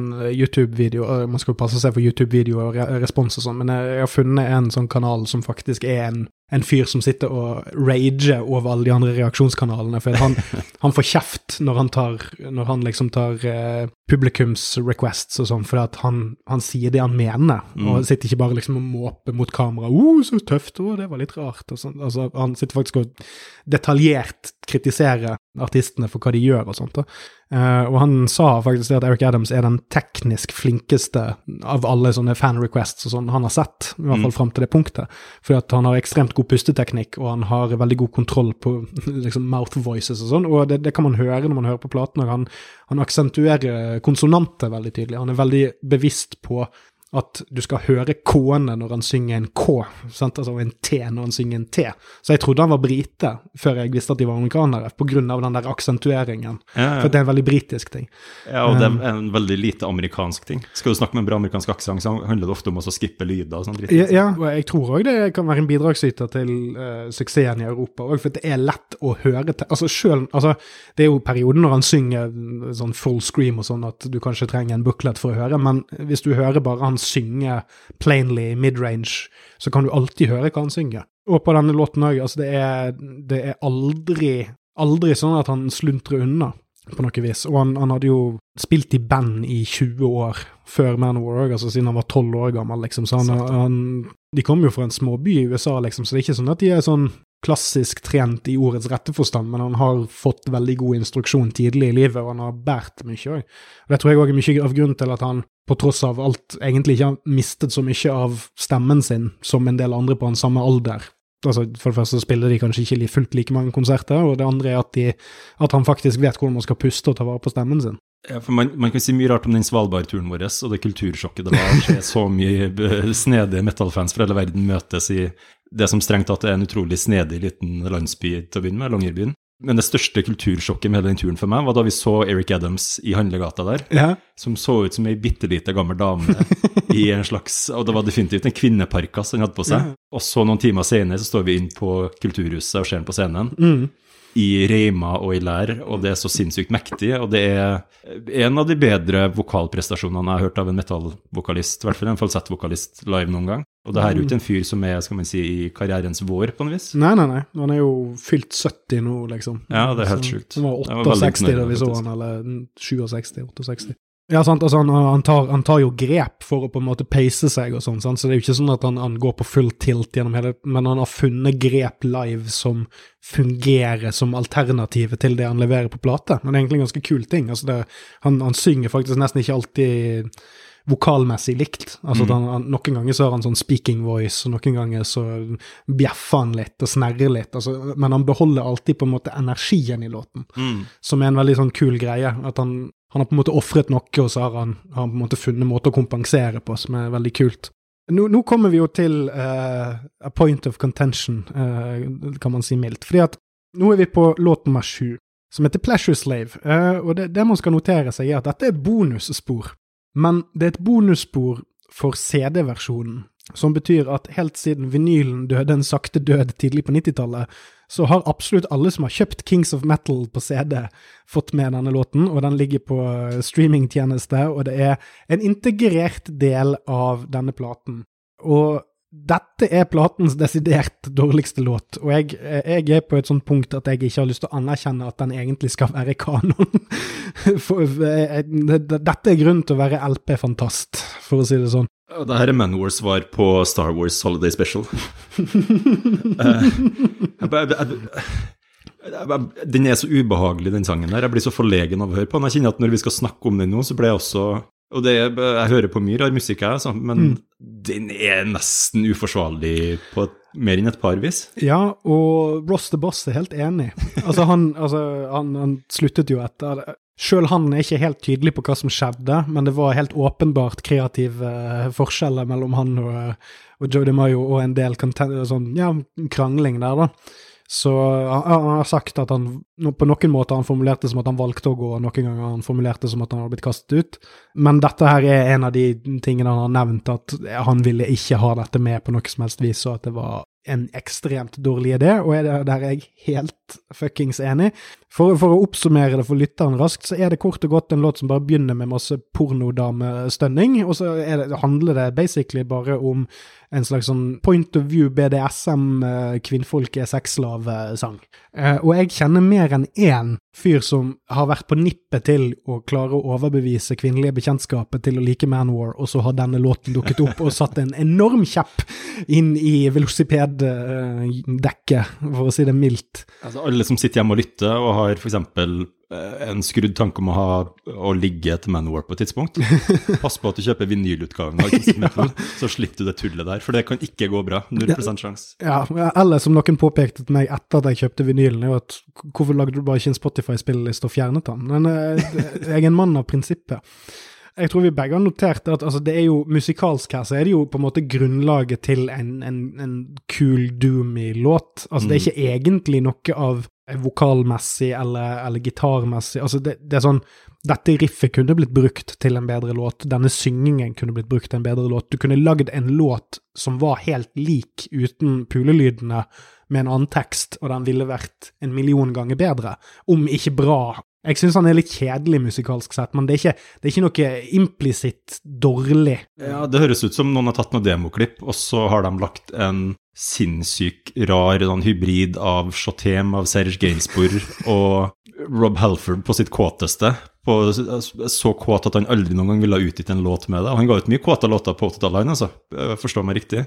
Men den er så uforsvarlig drøy, da. Både mm. med liksom de liksom voldtektsorienterte elementene og når han refrenget sier 'Woman be my slave, that's your reason to live'. Woman be my slave, the greatest gift I can give. Så føler jeg at Da har jeg ikke lenger den der uh, suspense of disbeliefen jeg har med en del andre Manwar-greier heller. Hvor liksom, ja, det skal være litt tøft i trynet, og det skal være litt sånn fett i det universet her. Hvis jeg skal tolke den i absolutt beste mening, så virker det som om den kan være liksom fra perspektivet til en adelsmann eller en konge eller noe sånt i gamle dager. Men Altså, her, her, tror jeg det er et tilfelle av at bandet er så gjennomført på resten av platen og resten av diskografien at det jobber litt mot dem. Mm. Fordi jeg har alltid tolket den som, og jeg fortsetter å tolke det som, en veldig tongue in cheek, litt sånn pornoinspirert låt. Altså at det er en fantasi. At, at det er det, det, det, det, spiller på noe sånn her, altså noe sånn rollespillaktig seksuell lek, mm. egentlig. Uh, men på grunn av hvor blodseriøse de er på resten av platen, på sitt vis, så bringer du med deg den, den, det inntrykket når du hører på denne. Ja, for det er på en måte som ikke fullblods Manowar-fan, så føler jeg at når det virkelig begynner å sitte, er når jeg stoler på dem i det de sier til meg at ja, men bare sånn Hvis ikke du liker meg på, på, mitt verste, så fortjener du ikke meg på, på mitt beste. Her er mitt verste. Eh, og så er det bare sånn, ja, iblant så gjør dere noe sånn rare corny greier, men det er fett nok mm. fordi toppnivået er så jævlig fett. Men så kommer det sånne ting som det her som jeg syns er litt vanskelig å, å forsvare. Også, særlig når det ikke er musikalsk kult heller. Mm. Og særlig når det er et band som både, du ser dem, når, både når du ser dem live og når du hører dem på skive, er veldig ramma alvorlig. Ja. Eller så Kiss har jo også, som du vet veldig godt, et par sanger som er ja. rimelig heftig sånn halm. Ja, Going Blind og uh, Christine 16 er jo som, som Paul Stanley har uh, redubbet til Christine 60 i, i nyere tid. Uh, men, men, med Kiss, for eksempel, altså, tror du mer på det? Fordi de har jo en litt sånn kødden tone. De er litt all ja. over the place, og det er litt mer sånn guttastemning i det bandet generelt. Ja, sånn ACDC, altså at, at ja, altså det er tongue in cheek, sant? Mm. Og det er jeg, jeg, mener at det er det som er tanken bak denne låten, men det er noe med tid og sted og rom og sånt. Og det er Dette er nesten en platedreper. Nesten. Altså, det, jeg er såpass eh, dypt inne i suppen at jeg overlever. Men, men jeg, jeg, ser definitivt det, den, den, siden der, og det er, det er en jævla synd og en skam, egentlig. fordi at eh, når de remaket den f.eks. i 2014, de lagde en, ny versjon, det er jo noe som band noen ganger gjør for eh, monetære grunner, så utelukket de han jo, selvfølgelig. For det er noen ting Altså, i den grad man kan gjøre dette, så kan du til nøds gjøre det når du er i 30-årene, men det å gjøre det når du begynner å nærme deg 60, det begynner å bli litt, litt guffent. sant? Jeg tror at det er ment tongue in cheek, men det er når du spiller det inn med den samme intensiteten som du har da gjort uh, Kings of Metal, for eksempel. Og igjen, her, her, spiller jo teknikken til Eric Adams mot bandet, mm. kanskje for første gang i karrieren, og kanskje eneste. Altså det at han har denne evnen til å faktisk si tekster sånn at du tror på dem. Ja, ja. Uh, eller synge tekster sånn at du tror på dem. Uh, og uh, det funker ikke her. Eller det funker jo, men det funker motsatt av hva man gjerne skulle tenkt. Og det er nok den låten jeg misliker mest som de har lagd den og Hatred fra Into Glory Ride er nok de, de liker jeg ikke, og jeg, det er de to Manor-låtene som jeg ikke Hvis jeg skal høre på dem, så er det for å høre hele platen i sin helhet. Mm. Uh, hvis jeg bare har et 'nå skal jeg høre på musikkbehov', så skipper jeg. Mm. Uh, og det er i større grad enn enn f.eks. Uh, bassoloene til Joey og sånt. Uh, ja. altså, altså, mer prinsipielt òg. Altså, det er det sånn Bassoloene til Joey kan jeg faktisk nyte i et øyeblikk der jeg bare er litt sånn Nå kjeder jeg meg. Uh, men, men, her er så, her, her, kan jeg ikke grave, her kan jeg ikke finne noe, for det er bare Hva om vi sang Kan vi lage det, lage eventyrbokversjon av en BDSM, tysk BDSM-porno? altså liksom, og, ba, og, bare for at du ikke skal tenke at det her kun eksisterer i sitt eget isolerte mikrokosmos heller, så har du den der innstendige pornosamplinga i starten, som ja. er så intens at du kan jo aldri risikere å ha den på en spilleliste hvis du har lyst til å prøve å forstå den sangen, for det kommer den på i feil øyeblikk, så da saboterer du hele sosiale livet ditt. liksom. Ja, det er denne her og, og starten på uh, Warlord, som er introlåten på Interglory Ride, som er Den starter jo òg med kopulering og noen foreldre som kommer og avbryter noen i akten, og så er det noen som roper noe om alderen til den jenten. og litt sånn. Så jeg har jo, jeg har jo uh, lagd en, en, en, clean edit av den, da, for å si det sånn, til spille til spillelistene mine. Det er litt lettere enn det er i denne låten her. Og da begynner vi på oppløpssiden, folkens. Eh, da er vi på låt nummer åtte, og da tilbake igjen til den andre av to co-writing credits fra Roster Boss, Hail and Kill. Nå, mine damer og herrer, her er han. Her er kaken på toppen av kransekaken, eh, og den er fylt til randen av metall. Helvete for en sang. Dette er jo den store sangen fra platen. Uh, Kings of Metal er jo òg den store sangen, men, King, men Hail and Kill kommer alltid på nærmere slutten uh, på spillelisten på, i livesettinger. Av, av, god grunn. Det er, det er en hardere låt, og den er den knytter seg nærmere inn mot tidlig Manor rent tematisk, men med denne nye, litt mer moderne sounden som de har lagd på den platen. Og det som er litt tøft jeg har bare lyst til noe, altså Her i denne sangen så knytter de sammen noe av det du har hørt tidligere på platen, i én låt. Og det er det at den begynner med en veldig fin sånn akustisk gitar og, og softsynging, sant? Altså noe, noe du vant med fra uh, Heart of Steel og uh, Crown and the Ring at, at nå, nå, nå, kommer det en ny ballade, liksom.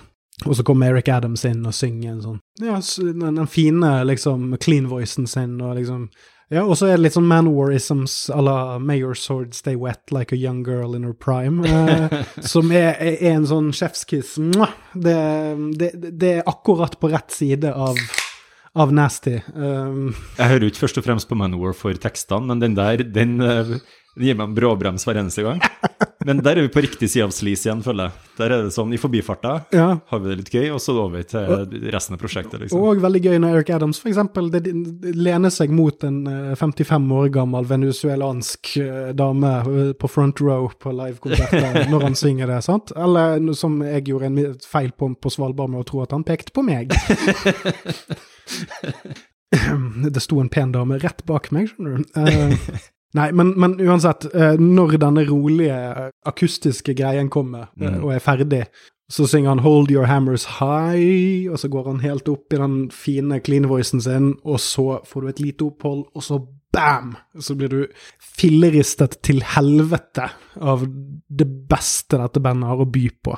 Ja, og det her er peak Manowar for min del òg, fordi det er en blanding av knalltight sånn galopperende, ivrig, overtent heavy metal men samtidig med de spesifikke tingene, som f.eks. Eh, veldig allsangvennlige mm. refrenget. Liksom, og de greier å balansere de øktene der også. De greier å gjøre de tingene samtidig. De greier å lage låt som eh, en veldig god venn av meg har spilt eh, bursdags-DJ-sett på Kniven nettopp. Mm.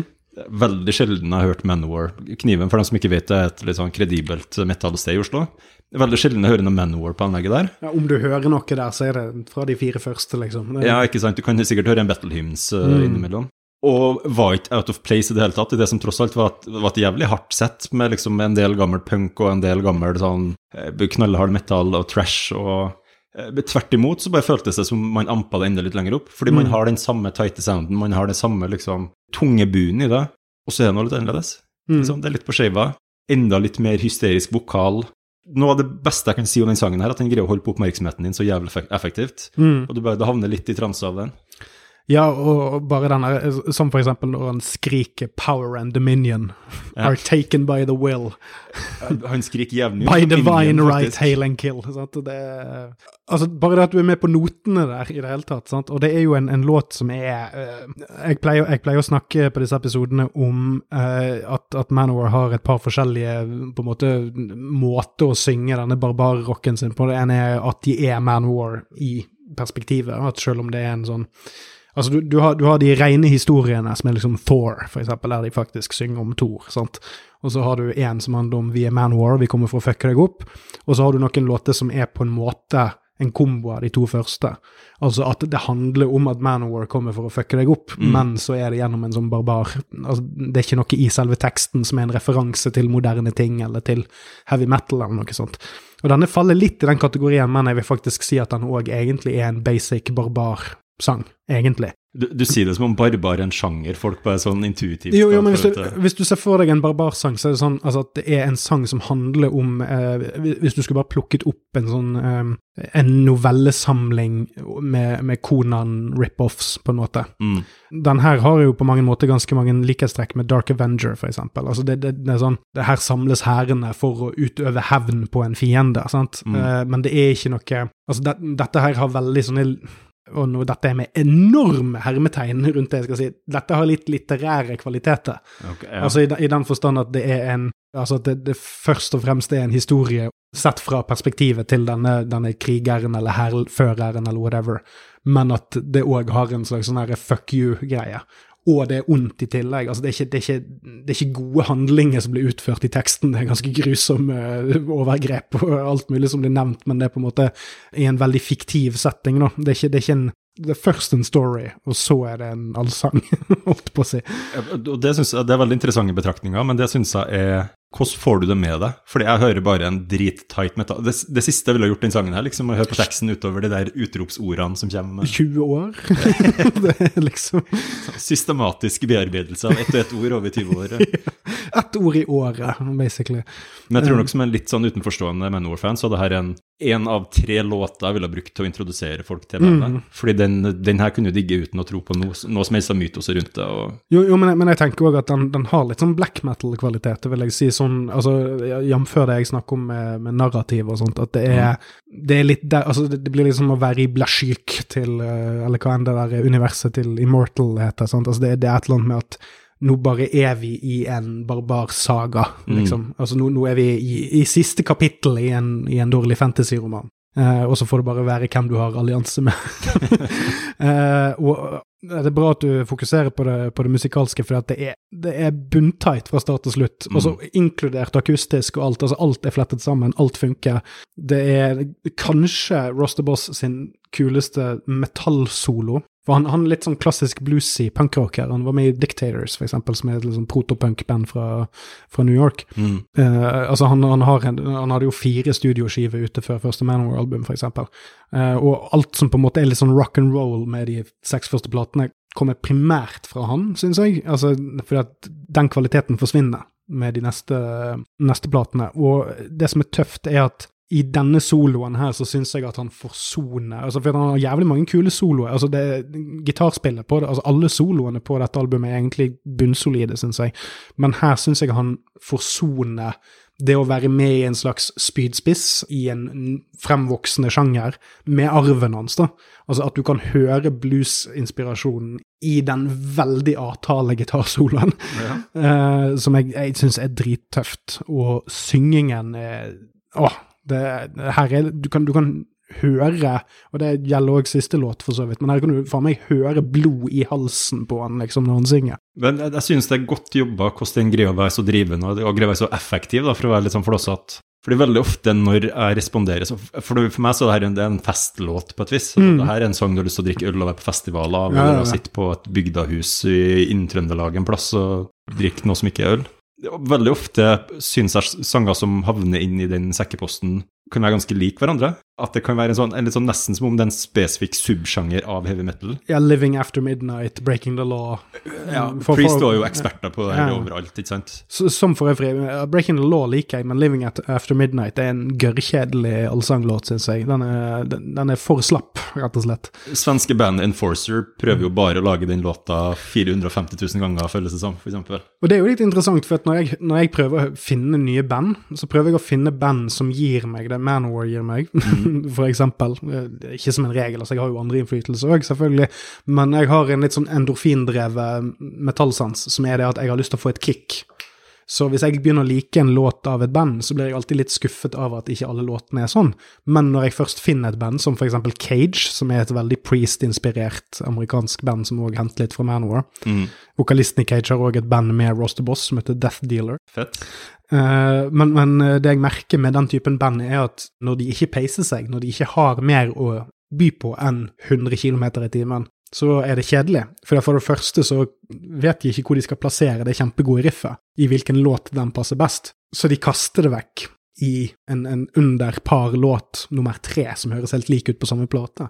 Det er en Så- så, jævlig kjedelig følelse når du føler at folk kaster bort riff. Ja, og, og det, jeg tror det er òg igjen grunnen til at jeg kjører denne Manowar sub-serien min, for jeg syns at Manowar er, og det er en, en, en throughline på diskusjonen vår her òg, er det at de peiser seg faktisk. Altså, du kan si hva du vil om, om formkurven på dette albumet her, men når Hail and Kill kommer, så er det primet for med tanke på hva som var før. Mm. Og det er, det er sånn Kicket kommer så til de grader Mm.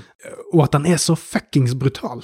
Jeg driver noen ganger og krangler med folk som er veldig sånn, sånn ekstremmetallere og sånt, og jeg, jeg mener at manware er mer ekstreme enn ekstremmetallere, For at hvem som helst kan lage blast beats og chugge og skrikegrowle, men det høres ut som 100 andre band som gjør akkurat det samme. Eh, men hvis du posisjonerer noen klassisk blues-inspirerte heavy metal-riff med noen blood-curdling screams og bygger det på noe du faktisk har jobbet litt med, så kan du få en punch som, selv om det på en måte er mer clean, mer mainstream, eller hva enn du kan kalle det, så er det hardere i delivery, eller med intensjon, på et eller annet slags vis. Og det syns jeg at denne låten er et prima eksempel på. At, at den, denne her er hardere enn veldig mange ekstremmetallåter jeg har hørt, bare med at du, du får det som et, det som et knyttneveslag i trynet, og du liker det. Jeg, jeg tenker jo på mye amerikansk death metal, for eksempel, som har uh, en sånn skikkelig gravelly, grumsatt, uh, drøy growl-vokal, Uh, som har blastbeat-trommer, som fyller liksom hele frekvensspektrumet, stapper det så jævlig fullt av lyd, i den grad at det liksom ikke er hardt lenger, det er bare støy.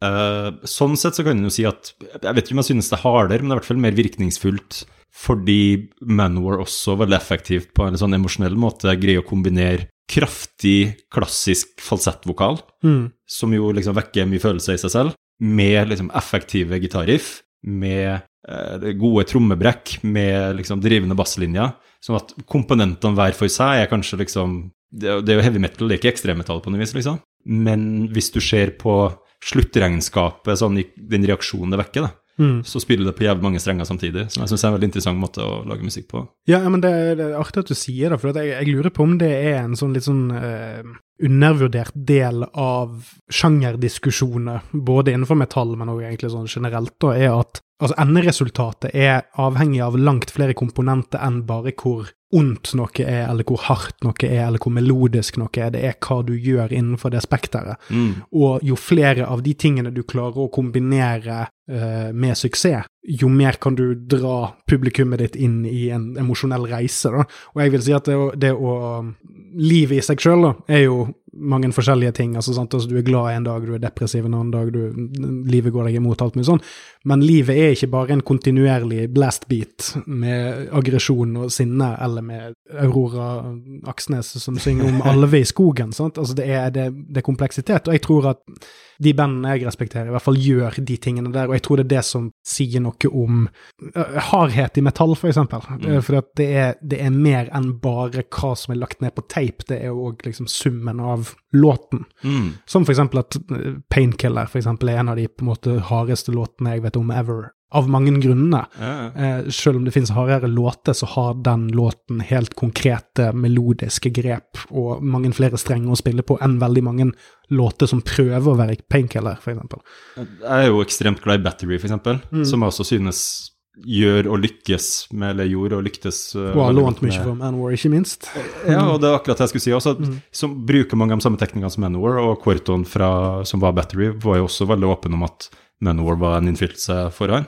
Jeg tror faktisk ikke han var så åpen om det. Han, Eh, Det ble i hvert fall anerkjent etter hvert at uh, Ja. han hadde hørt Manowar, og Og- at mye av de greiene han drev på med, var Og den platen fra 90, hva er det den heter? Den uh, Hammerheart. Hammerheart, ja. Hammerheart-platen er jo veldig Der hører du tidlig Metallica, og du hører masse, masse tidlig Manowar på, på den platen, eksempel. Ja, og Battery hadde en veldig interessant utvikling sånn sett, med at det begynte jo som og starta på mange måter ren svartmetall, Uh, og så ble det mer, mer trasha igjen, og så og det dette. Og så gikk jo han over til en ren vikingmetallgreie over Mm. flere skiver. Som egentlig- fremdeles er litt black metal, sånn to the core, på et vis. Ja, veldig atmosfærisk, i hvert fall, litt sånn teksturbasert. Og, men jeg synes jo at noe av den musikken jeg headbanger hardest til, og noe av den musikken jeg liksom føler aller hardest når det kommer til metall, er jo de låtene som kombinerer den der litt sånn lengtende vokalen til Korton Mm. med harde brekk, med eh, progressive overganger. Han var jævlig glad i lange introer, f.eks. Mm. Det er masse, masse overlapp med noe der, syns jeg, som eh, er hardere enn veldig mye ting som bare er liksom balls to the wall, og se hvor mye rom vi kan fylle, liksom. Ja, og, og mening er mer enn bare den tekstuelle meningen. sant? Altså, det, hva, hva er det du backer det opp med audiovisuelt? sant? Altså, hva, hva er gitarene? Hva gjør gitarene? Hva gjør melodien? Hva gjør produksjonen? sant? Og det, det, Jeg er ikke så inne i Bathory som det du er, men jeg har jo hørt en del på det etter at vi har begynt å snakke om det. og sånt, og det er jo det er de tingene jeg setter veldig pris på med Bathory òg. Det er denne viljen til å altså Du, du hører hvor han kommer fra, alltid, eh, men det, det, det er en, en motvilje til å bli stående. Og det er jo en ting han, han ble kritisert for av The True Believers, som alltid skjer. sant? Men uh, Bathory som prosjekt er et, uh, syns jeg står til ti i stil når det kommer til det der å bare bygge på det du har gjort. Eh, og jeg synes aldri, jeg, jeg har aldri hørt noe Altså, jeg har ikke hørt så mye på 90-tallsgreiene deres, da, altså de på midten av 90-tallet, men eksempel Nordland-platene og sånt, er veldig eh, knyttet sånn med Hammerheart, og Hammerheart veldig med de par første platene òg. Altså, du kan Mm. høre progresjonen, logikken, uh, de tingene han har valgt å beholde og valgt å legge til side. Ja, og hva han bryr seg om på det tidspunktet, liksom. Ja, og, og, og sånn sett så Det er kanskje det bandprosjektet jeg har ramlet over som ligner mest på det jeg verdsetter med Manowar, faktisk. Altså denne, denne greien med å bare Ok, nå, nå, nå har jeg gjort noen greier her, la meg, la meg koke det ned, la meg lage saft av det. sant? Altså, nå skal, jeg, nå skal jeg finne den tingen. Kanskje jeg ikke trenger å være så teknisk. Kanskje jeg kan få fram akkurat det jeg vil ha med bare en akkord, og la den akkorden syde. Sant? La meg skape et, et, et bilde istedenfor å og, og dette er jo det motsatte, selvfølgelig, med, med Hail and Kill. Altså, den, den er jo kompleks på mange vis, men det er fremdeles òg bare et bilde. Sant? Altså, du, du er midt på slagmarken, liksom. Eh, vi må jo gå videre, og da er låten om ni. Den trenger vi ikke å dvele så mye med. Eh, den er jo òg en av platens mest skippable, men den er mye mindre skippable enn Pleasure Slave, eksempel. Og det er The Warrior's Prayer, som basically er en bestefar som forteller en historie til barnebarnet sitt om den første gangen han så Manowar. I grove trekk. Det er liksom starten på Big Fish, eh, ja. når man skal begynne å spinne i gang eh, hele denne sinnssyke fortellinga her. Grandfather, tell me a story! Jeg skal innrømme, jeg har hørt den sangen én gang, og så har jeg skippa den. Ja, det er jo ikke en sang, egentlig. Det er en spoken word, uh, eventyrbokfortelling. Og jeg syns den er skippable, men jeg syns den er litt koselig. Om jeg ikke, jeg, det er en bedre versjon av han på remaken, faktisk. Det er den eneste tracken på remaken som er bedre, for der har de fått inn Brian Blessed til å være vokalen. Og Brian Blessed er jo da faren til Blackhead her i sesong én, og Boss Nass i The Phantom Menace. Men hva er det som motiverer Det er jævlig fette fun facts. det.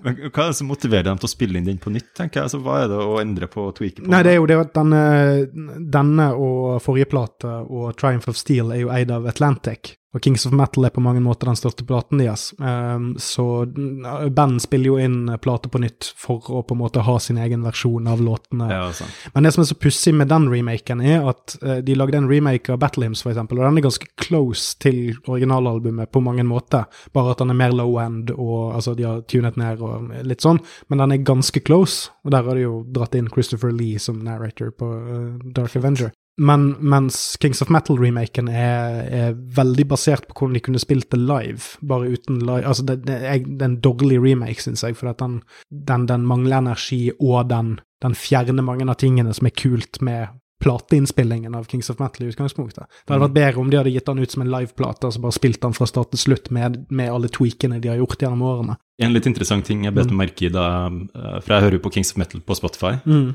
Til tross for at det her er en eh, Det virker nesten som en filmintro på et vis, mm. eller introen til en fantasy-lydbok, ja. så har den bare 30 000 avspillinger færre enn Pleasure, Pleasure's Slave. Jeg vet ikke om det sier mest om den låta her eller Pleasure Slave, men uh... jeg, tror, jeg, tror, det sier noe om, om proporsjonen eh, kåtskalk eh, og fantasy-nerd-størrelsen på Manowar-fansen. Jeg kunne tenkt meg å ha sett gjennomsnittlig spilletid på Pleasure Slave, sånn sett. Ja, det, Hvor mange kutt etter introen? Ja. Nei, så, så den her er jo egentlig bare en eventyrfortelling der, det er en sånn, der selvmytologiseringen til Manowar dukker opp igjen. Altså mm. I denne, i denne uh, spoken word-greien så er det bare en eventyrfortelling en bestefar forteller sønnen sin om en gang han så et stort slag. Og da så han fire hærførere med forskjellige våpen. en spiked club, en hammer, et sverd. Ja, Det er i hvert fall noen våpen som dukker opp uh, på de senere, senere albumcoverene og sånt, som han nevner der, og det er òg noe som Manowar senere vil assosiere til de forskjellige musikerne i bandet og som kommer til å bli symbolet til slutt. Og så er det basically bare det at det er en slagscene, og så spør uh, sønnen hvem det var, og så sier bestefaren 'They were the Metal Kings', som skulle være den opprinnelige tittelen på platen, by the way. Det fikk jeg bekreftet av en scan av Kerrang fra 87. uh, og så går man blast over til låt nummer ti, 'Blood of the Kings'. Og jeg har lyst til å høre Lasse sin, sitt inntrykk av den låten først, før vi går inn på det. Jeg, jeg, jeg syns jo det er den beste låta på skiva. Jeg syns det, det, er min favoritt-Manor-låt. Og litt vanskelig å sette fingeren på akkurat hva det jeg digger med den, men det er en blanding av veldig sånn litt sånn rastløs riffing. Eh, og særlig når den går over den der dun, dun, dun, dun, dun, dun, dun, og så trappes takta opp igjen med eh, Jeg syns det er flotte harmonier på vokalen. Jeg syns det er den er bare så pompøs uten at den mister driv, på et vis. det. Her syns jeg de på en måte kombinerer Crown and the Ring, for det er noe orgelgreier i bakgrunnen. Ja, det er det absolutt. Og uh, de kombinerer den, og så kombinerer de Hale and Kill, og de kombinerer til en viss grad Kings of Metal. Og uh, jeg er helt enig med deg, jeg, dette er favoritten min på platen. Det er kanskje en av mine favoritt-Manor-låter ever.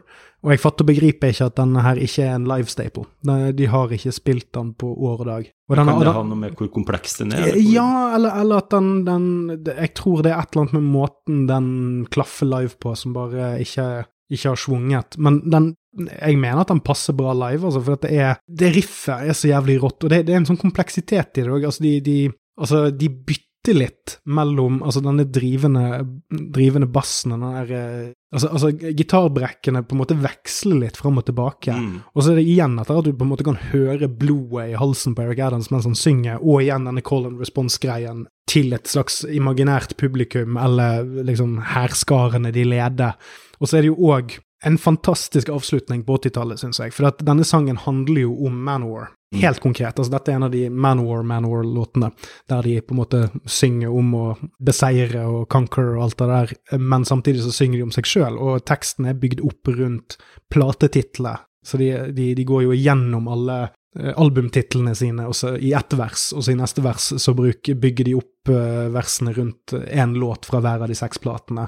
Og så synger de Six Magic Circles Were Made by the Blood of the Kings, som er en referanse til seks album, uh, og at de eksempel signerte platekontrakten sin med Megaforce i blod i 1983. Sant? Så, uh, og um, det er liksom De seks første platene er oppsummert her. Altså alt, alt som funker med Manwar, funker i denne låten. Altså ikke bare knytter de sammen alle de seks første studioplatene, men de knytter òg sammen hele denne platen vi har hørt på. Mm. Eh, bortsett fra Pleasure Slave, kanskje. Eh, og, og, og, og, Kingdom Come. Men, men den, har, den har på en måte intensiteten til Wheels of Fire. Den har ballene til Kings of Metal. Den har eh, det mytologiske og det e- etosaktige fra Heart of Steel og Crown and the Ring. Og, og de har denne, denne her eh, ja, Guyana, Jim Jones-aktige greien med 'dette er vår metal-kult'.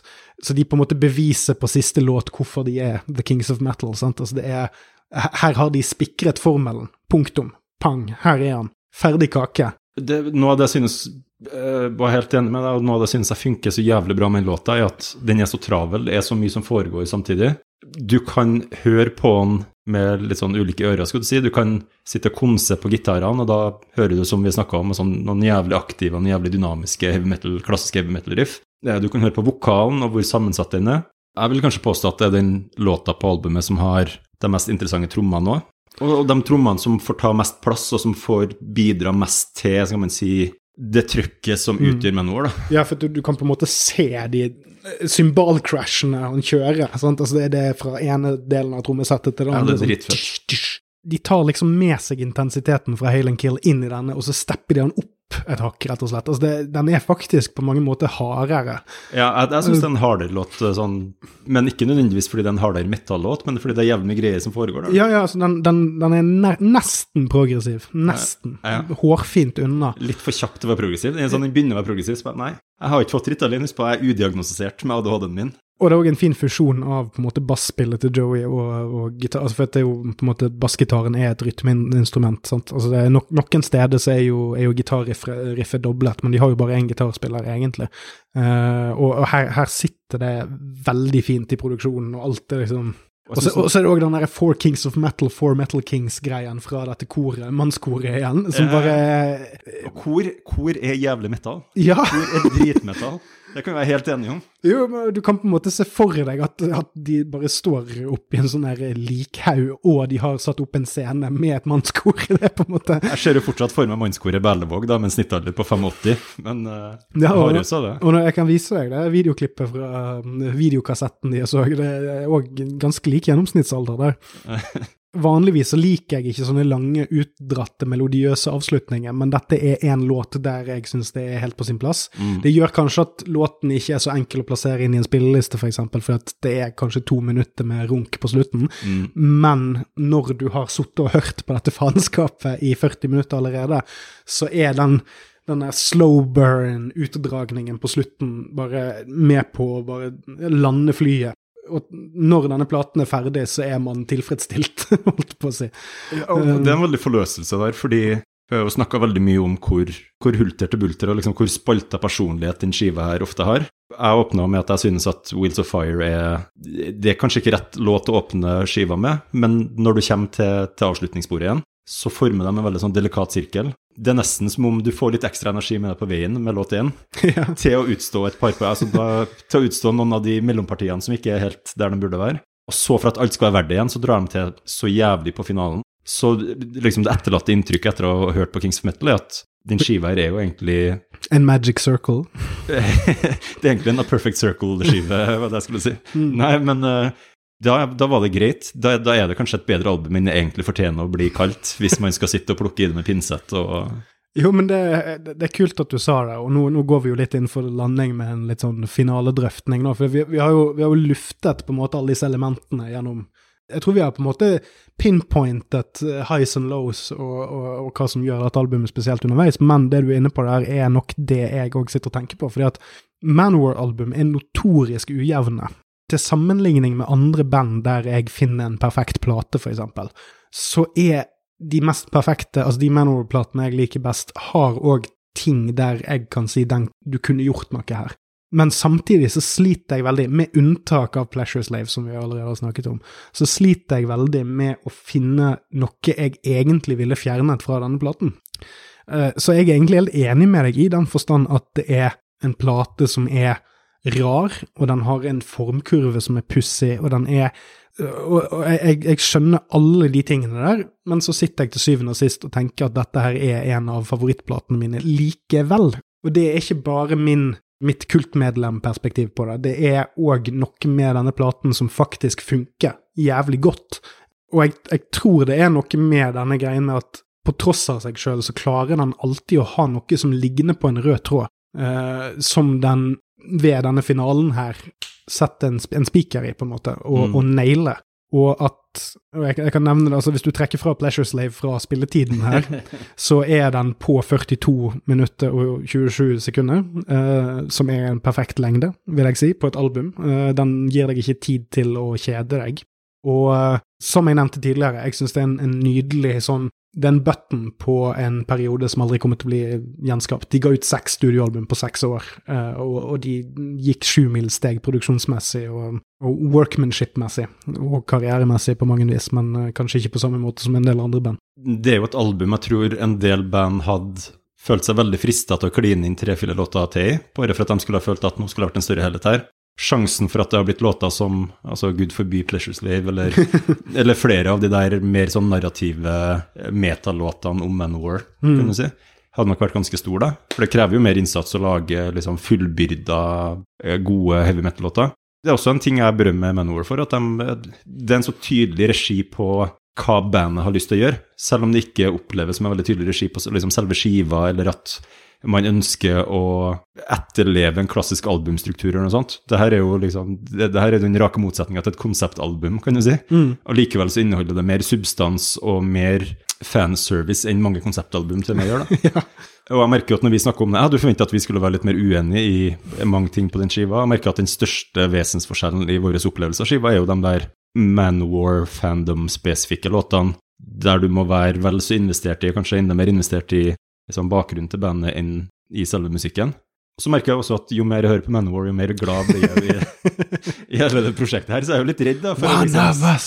One of us! Absolutt. Så det er vanskelig for meg å vite hvor skal jeg sette punktum hen. Uh, Akkurat angående Manowar spesifikke, da, så er jo det, det jeg synes er litt interessant, det at når man får møte folk som er litt mindre uh, kapable i engelsk, uh, som er Manowar-fans Dem er du en del av. Ja, en del. Uh, Vi har møtt en som var på Manowar-konsert på Svalbard, som ikke kunne engelsk? Nei, han, han, hadde bare et hypotetisk forhold til det engelske språk, rett og slett. Ja, meget bizarrt. Uh, forsvarsadvokat fra Sao Paulo, faktisk. Nei, men, men, det er noe med uh, så, så, jeg tror faktisk at de tingene du tenker på der, uh, faktisk på noen måte kan være Altså, jeg tror det finnes publikum som, som trenger denne typen, la oss si, enkle om ikke livslærdommen, så i hvert fall eh, filtre å se livet gjennom, da. Det er jo toksisk maskulinitet på boks, eh, dette bandet her, men med noe av det de gjør her, så tror jeg at det kanskje er tilfellet tilfelle av at jo mer, om ikke barnlig du er, men hvis du er, hvis du er litt, litt, mindre kynisk enn gjennomsnittspersonen, og setter deg ned og gir deg en sjanse, så er det mer tilgjengelig enn man skulle trodd hvis du tillater deg sjøl å være så dum at du sitter og hører på tekstene til meg Altså det er, noen ganger så kan enkelhet være vakkert, eller eh, enkle budskap som er fremført kraftfullt. Og når du da kombinerer det med stormannsgalskap i tillegg, så er det en ganske potent miks. Uh, og jeg, jeg, lurer på om det er den miksen som funker så jævlig bra på denne platen. For jeg, jeg, vil f.eks. si at Hail to England er en vesentlig bedre plate på mange mm. vis. Uh, og Sign of the Hammer på mange måter òg, men det er dette er tilfellet der det er så mange sjangerting som klaffer samtidig. Både av ting som kommer fra metal, og ting som kan sies å være nærmere mainstream. Og det jeg liker med mainstream-dreiningen til Manor, er at det blir gjort på Manor sine premisser. Uh, og jeg nevnte det på forrige episode òg, at det er, det er, gjensidig frastøtende, det grepet der. At, at det frastøter Anders Jæver-looking eh, rockeonkler på kniven. fordi at det er for kommersielt og for dumt. Og så, mm. driver det vekk folk som liker Metallica, for eksempel, fordi at det er for weird og hardt og, og mystisk. Så de, de, lever i et sånt limbo mellom det kommersielle og det ekte. altså the true, i hermetegn som òg tillater de å trykke på noen knapper som ekstremt få andre band gjør, og jeg syns at denne platen er det kanskje kroneksempelet på det. Ja, for jeg tror nok den viktigste takeawayen min med å ha hørt systematisk gjennom den skiva her, og satt og drøfta inn litt med deg i forkant, og ikke minst nå, er jo at jeg har også vært skyldig å ha en del fordommer om Manowar som et band som hovedsakelig enten spiller inn i vikingmetalltropene, med at det er litt sånn, som du sier, toksisk maskulinitet og litt sånn harry hurra drikkemetall og ikke så mye annet. Eller liksom power metal-opplegget, hvor alt bare skal være bombastisk og sette noe substans i det på et vis, og hvor man har fantasy-tekster og sånt. Eh, tvert imot syns jeg Manowar er et utrolig sammensatt band som har jævlig mye bra klassisk heavy å by på, som har eh, gode ballader å by på, hvis man er av den legninga, som har utrolig mye spennende for seg som man må pirke litt for å finne i. Så selv om man ikke liksom, er interessert i mytos og mytologien rundt det, så kan man finne jævlig mye fett med Manowar. Så kan det jo være at du må grave gjennom litt greier på veien òg. Det er ikke det er ikke nybegynner crate digging-prosjekt. Det, det, er litt sånn Andy Dufresne had to crawl through a pipe of shit to reach uh, freedom, eller hva det kalles. Uh, og, og, det er ikke så mye drit i diskografien, vil jeg si, men det er litt det der med Det har med hva du tar med deg inn, og det har noe med hva du går for. Jeg, jeg forventer ikke at noen som sitter og hører på dette showet her, skal bli overbevist. Det eneste jeg er ute etter, er at folk skal kanskje ta og tenke seg om to ganger før man avskriver no hva som helst, egentlig, som, mm. som, som fremprovoserer engasjement hos andre. For jeg syns at dette bandet her er kroneksempelet på det som man på overflaten kan kalle idioti, men hvis du tar på deg sosialantropologibrillene og tillater deg sjøl å bli dratt litt med, så er det masse kompleksitet rett under overflaten, på samme måte som å kikke ned på en marianegrop. Altså, det er mye stygt i vannet, som man sa, men, eh, men, det er mye interessant der òg. Men jeg, jeg, tror, eh, jeg, tror, kanskje vi skal sette den endelige spikeren i kisten akkurat der. Og så får jeg si uh, tusen takk for at du ofret to timer av livet ditt og uh, stuen din til dette prosjektet. her. Og tusen hjertelig takk for at du med væpna makt, ikke minst i form av ni slag av middelaldervåpen, uh, beleira stua mi her. Jeg fikk meg heldigvis en pils for strevet, så det var ikke forgjeves. Det var veldig hyggelig. Tusen takk for invitasjonen. Jo, og du er jo hjertelig velkommen til å komme tilbake og snakke om noe du liker en gang. og hva er det vi sier for noe? Death to False metal. False metal. God natt.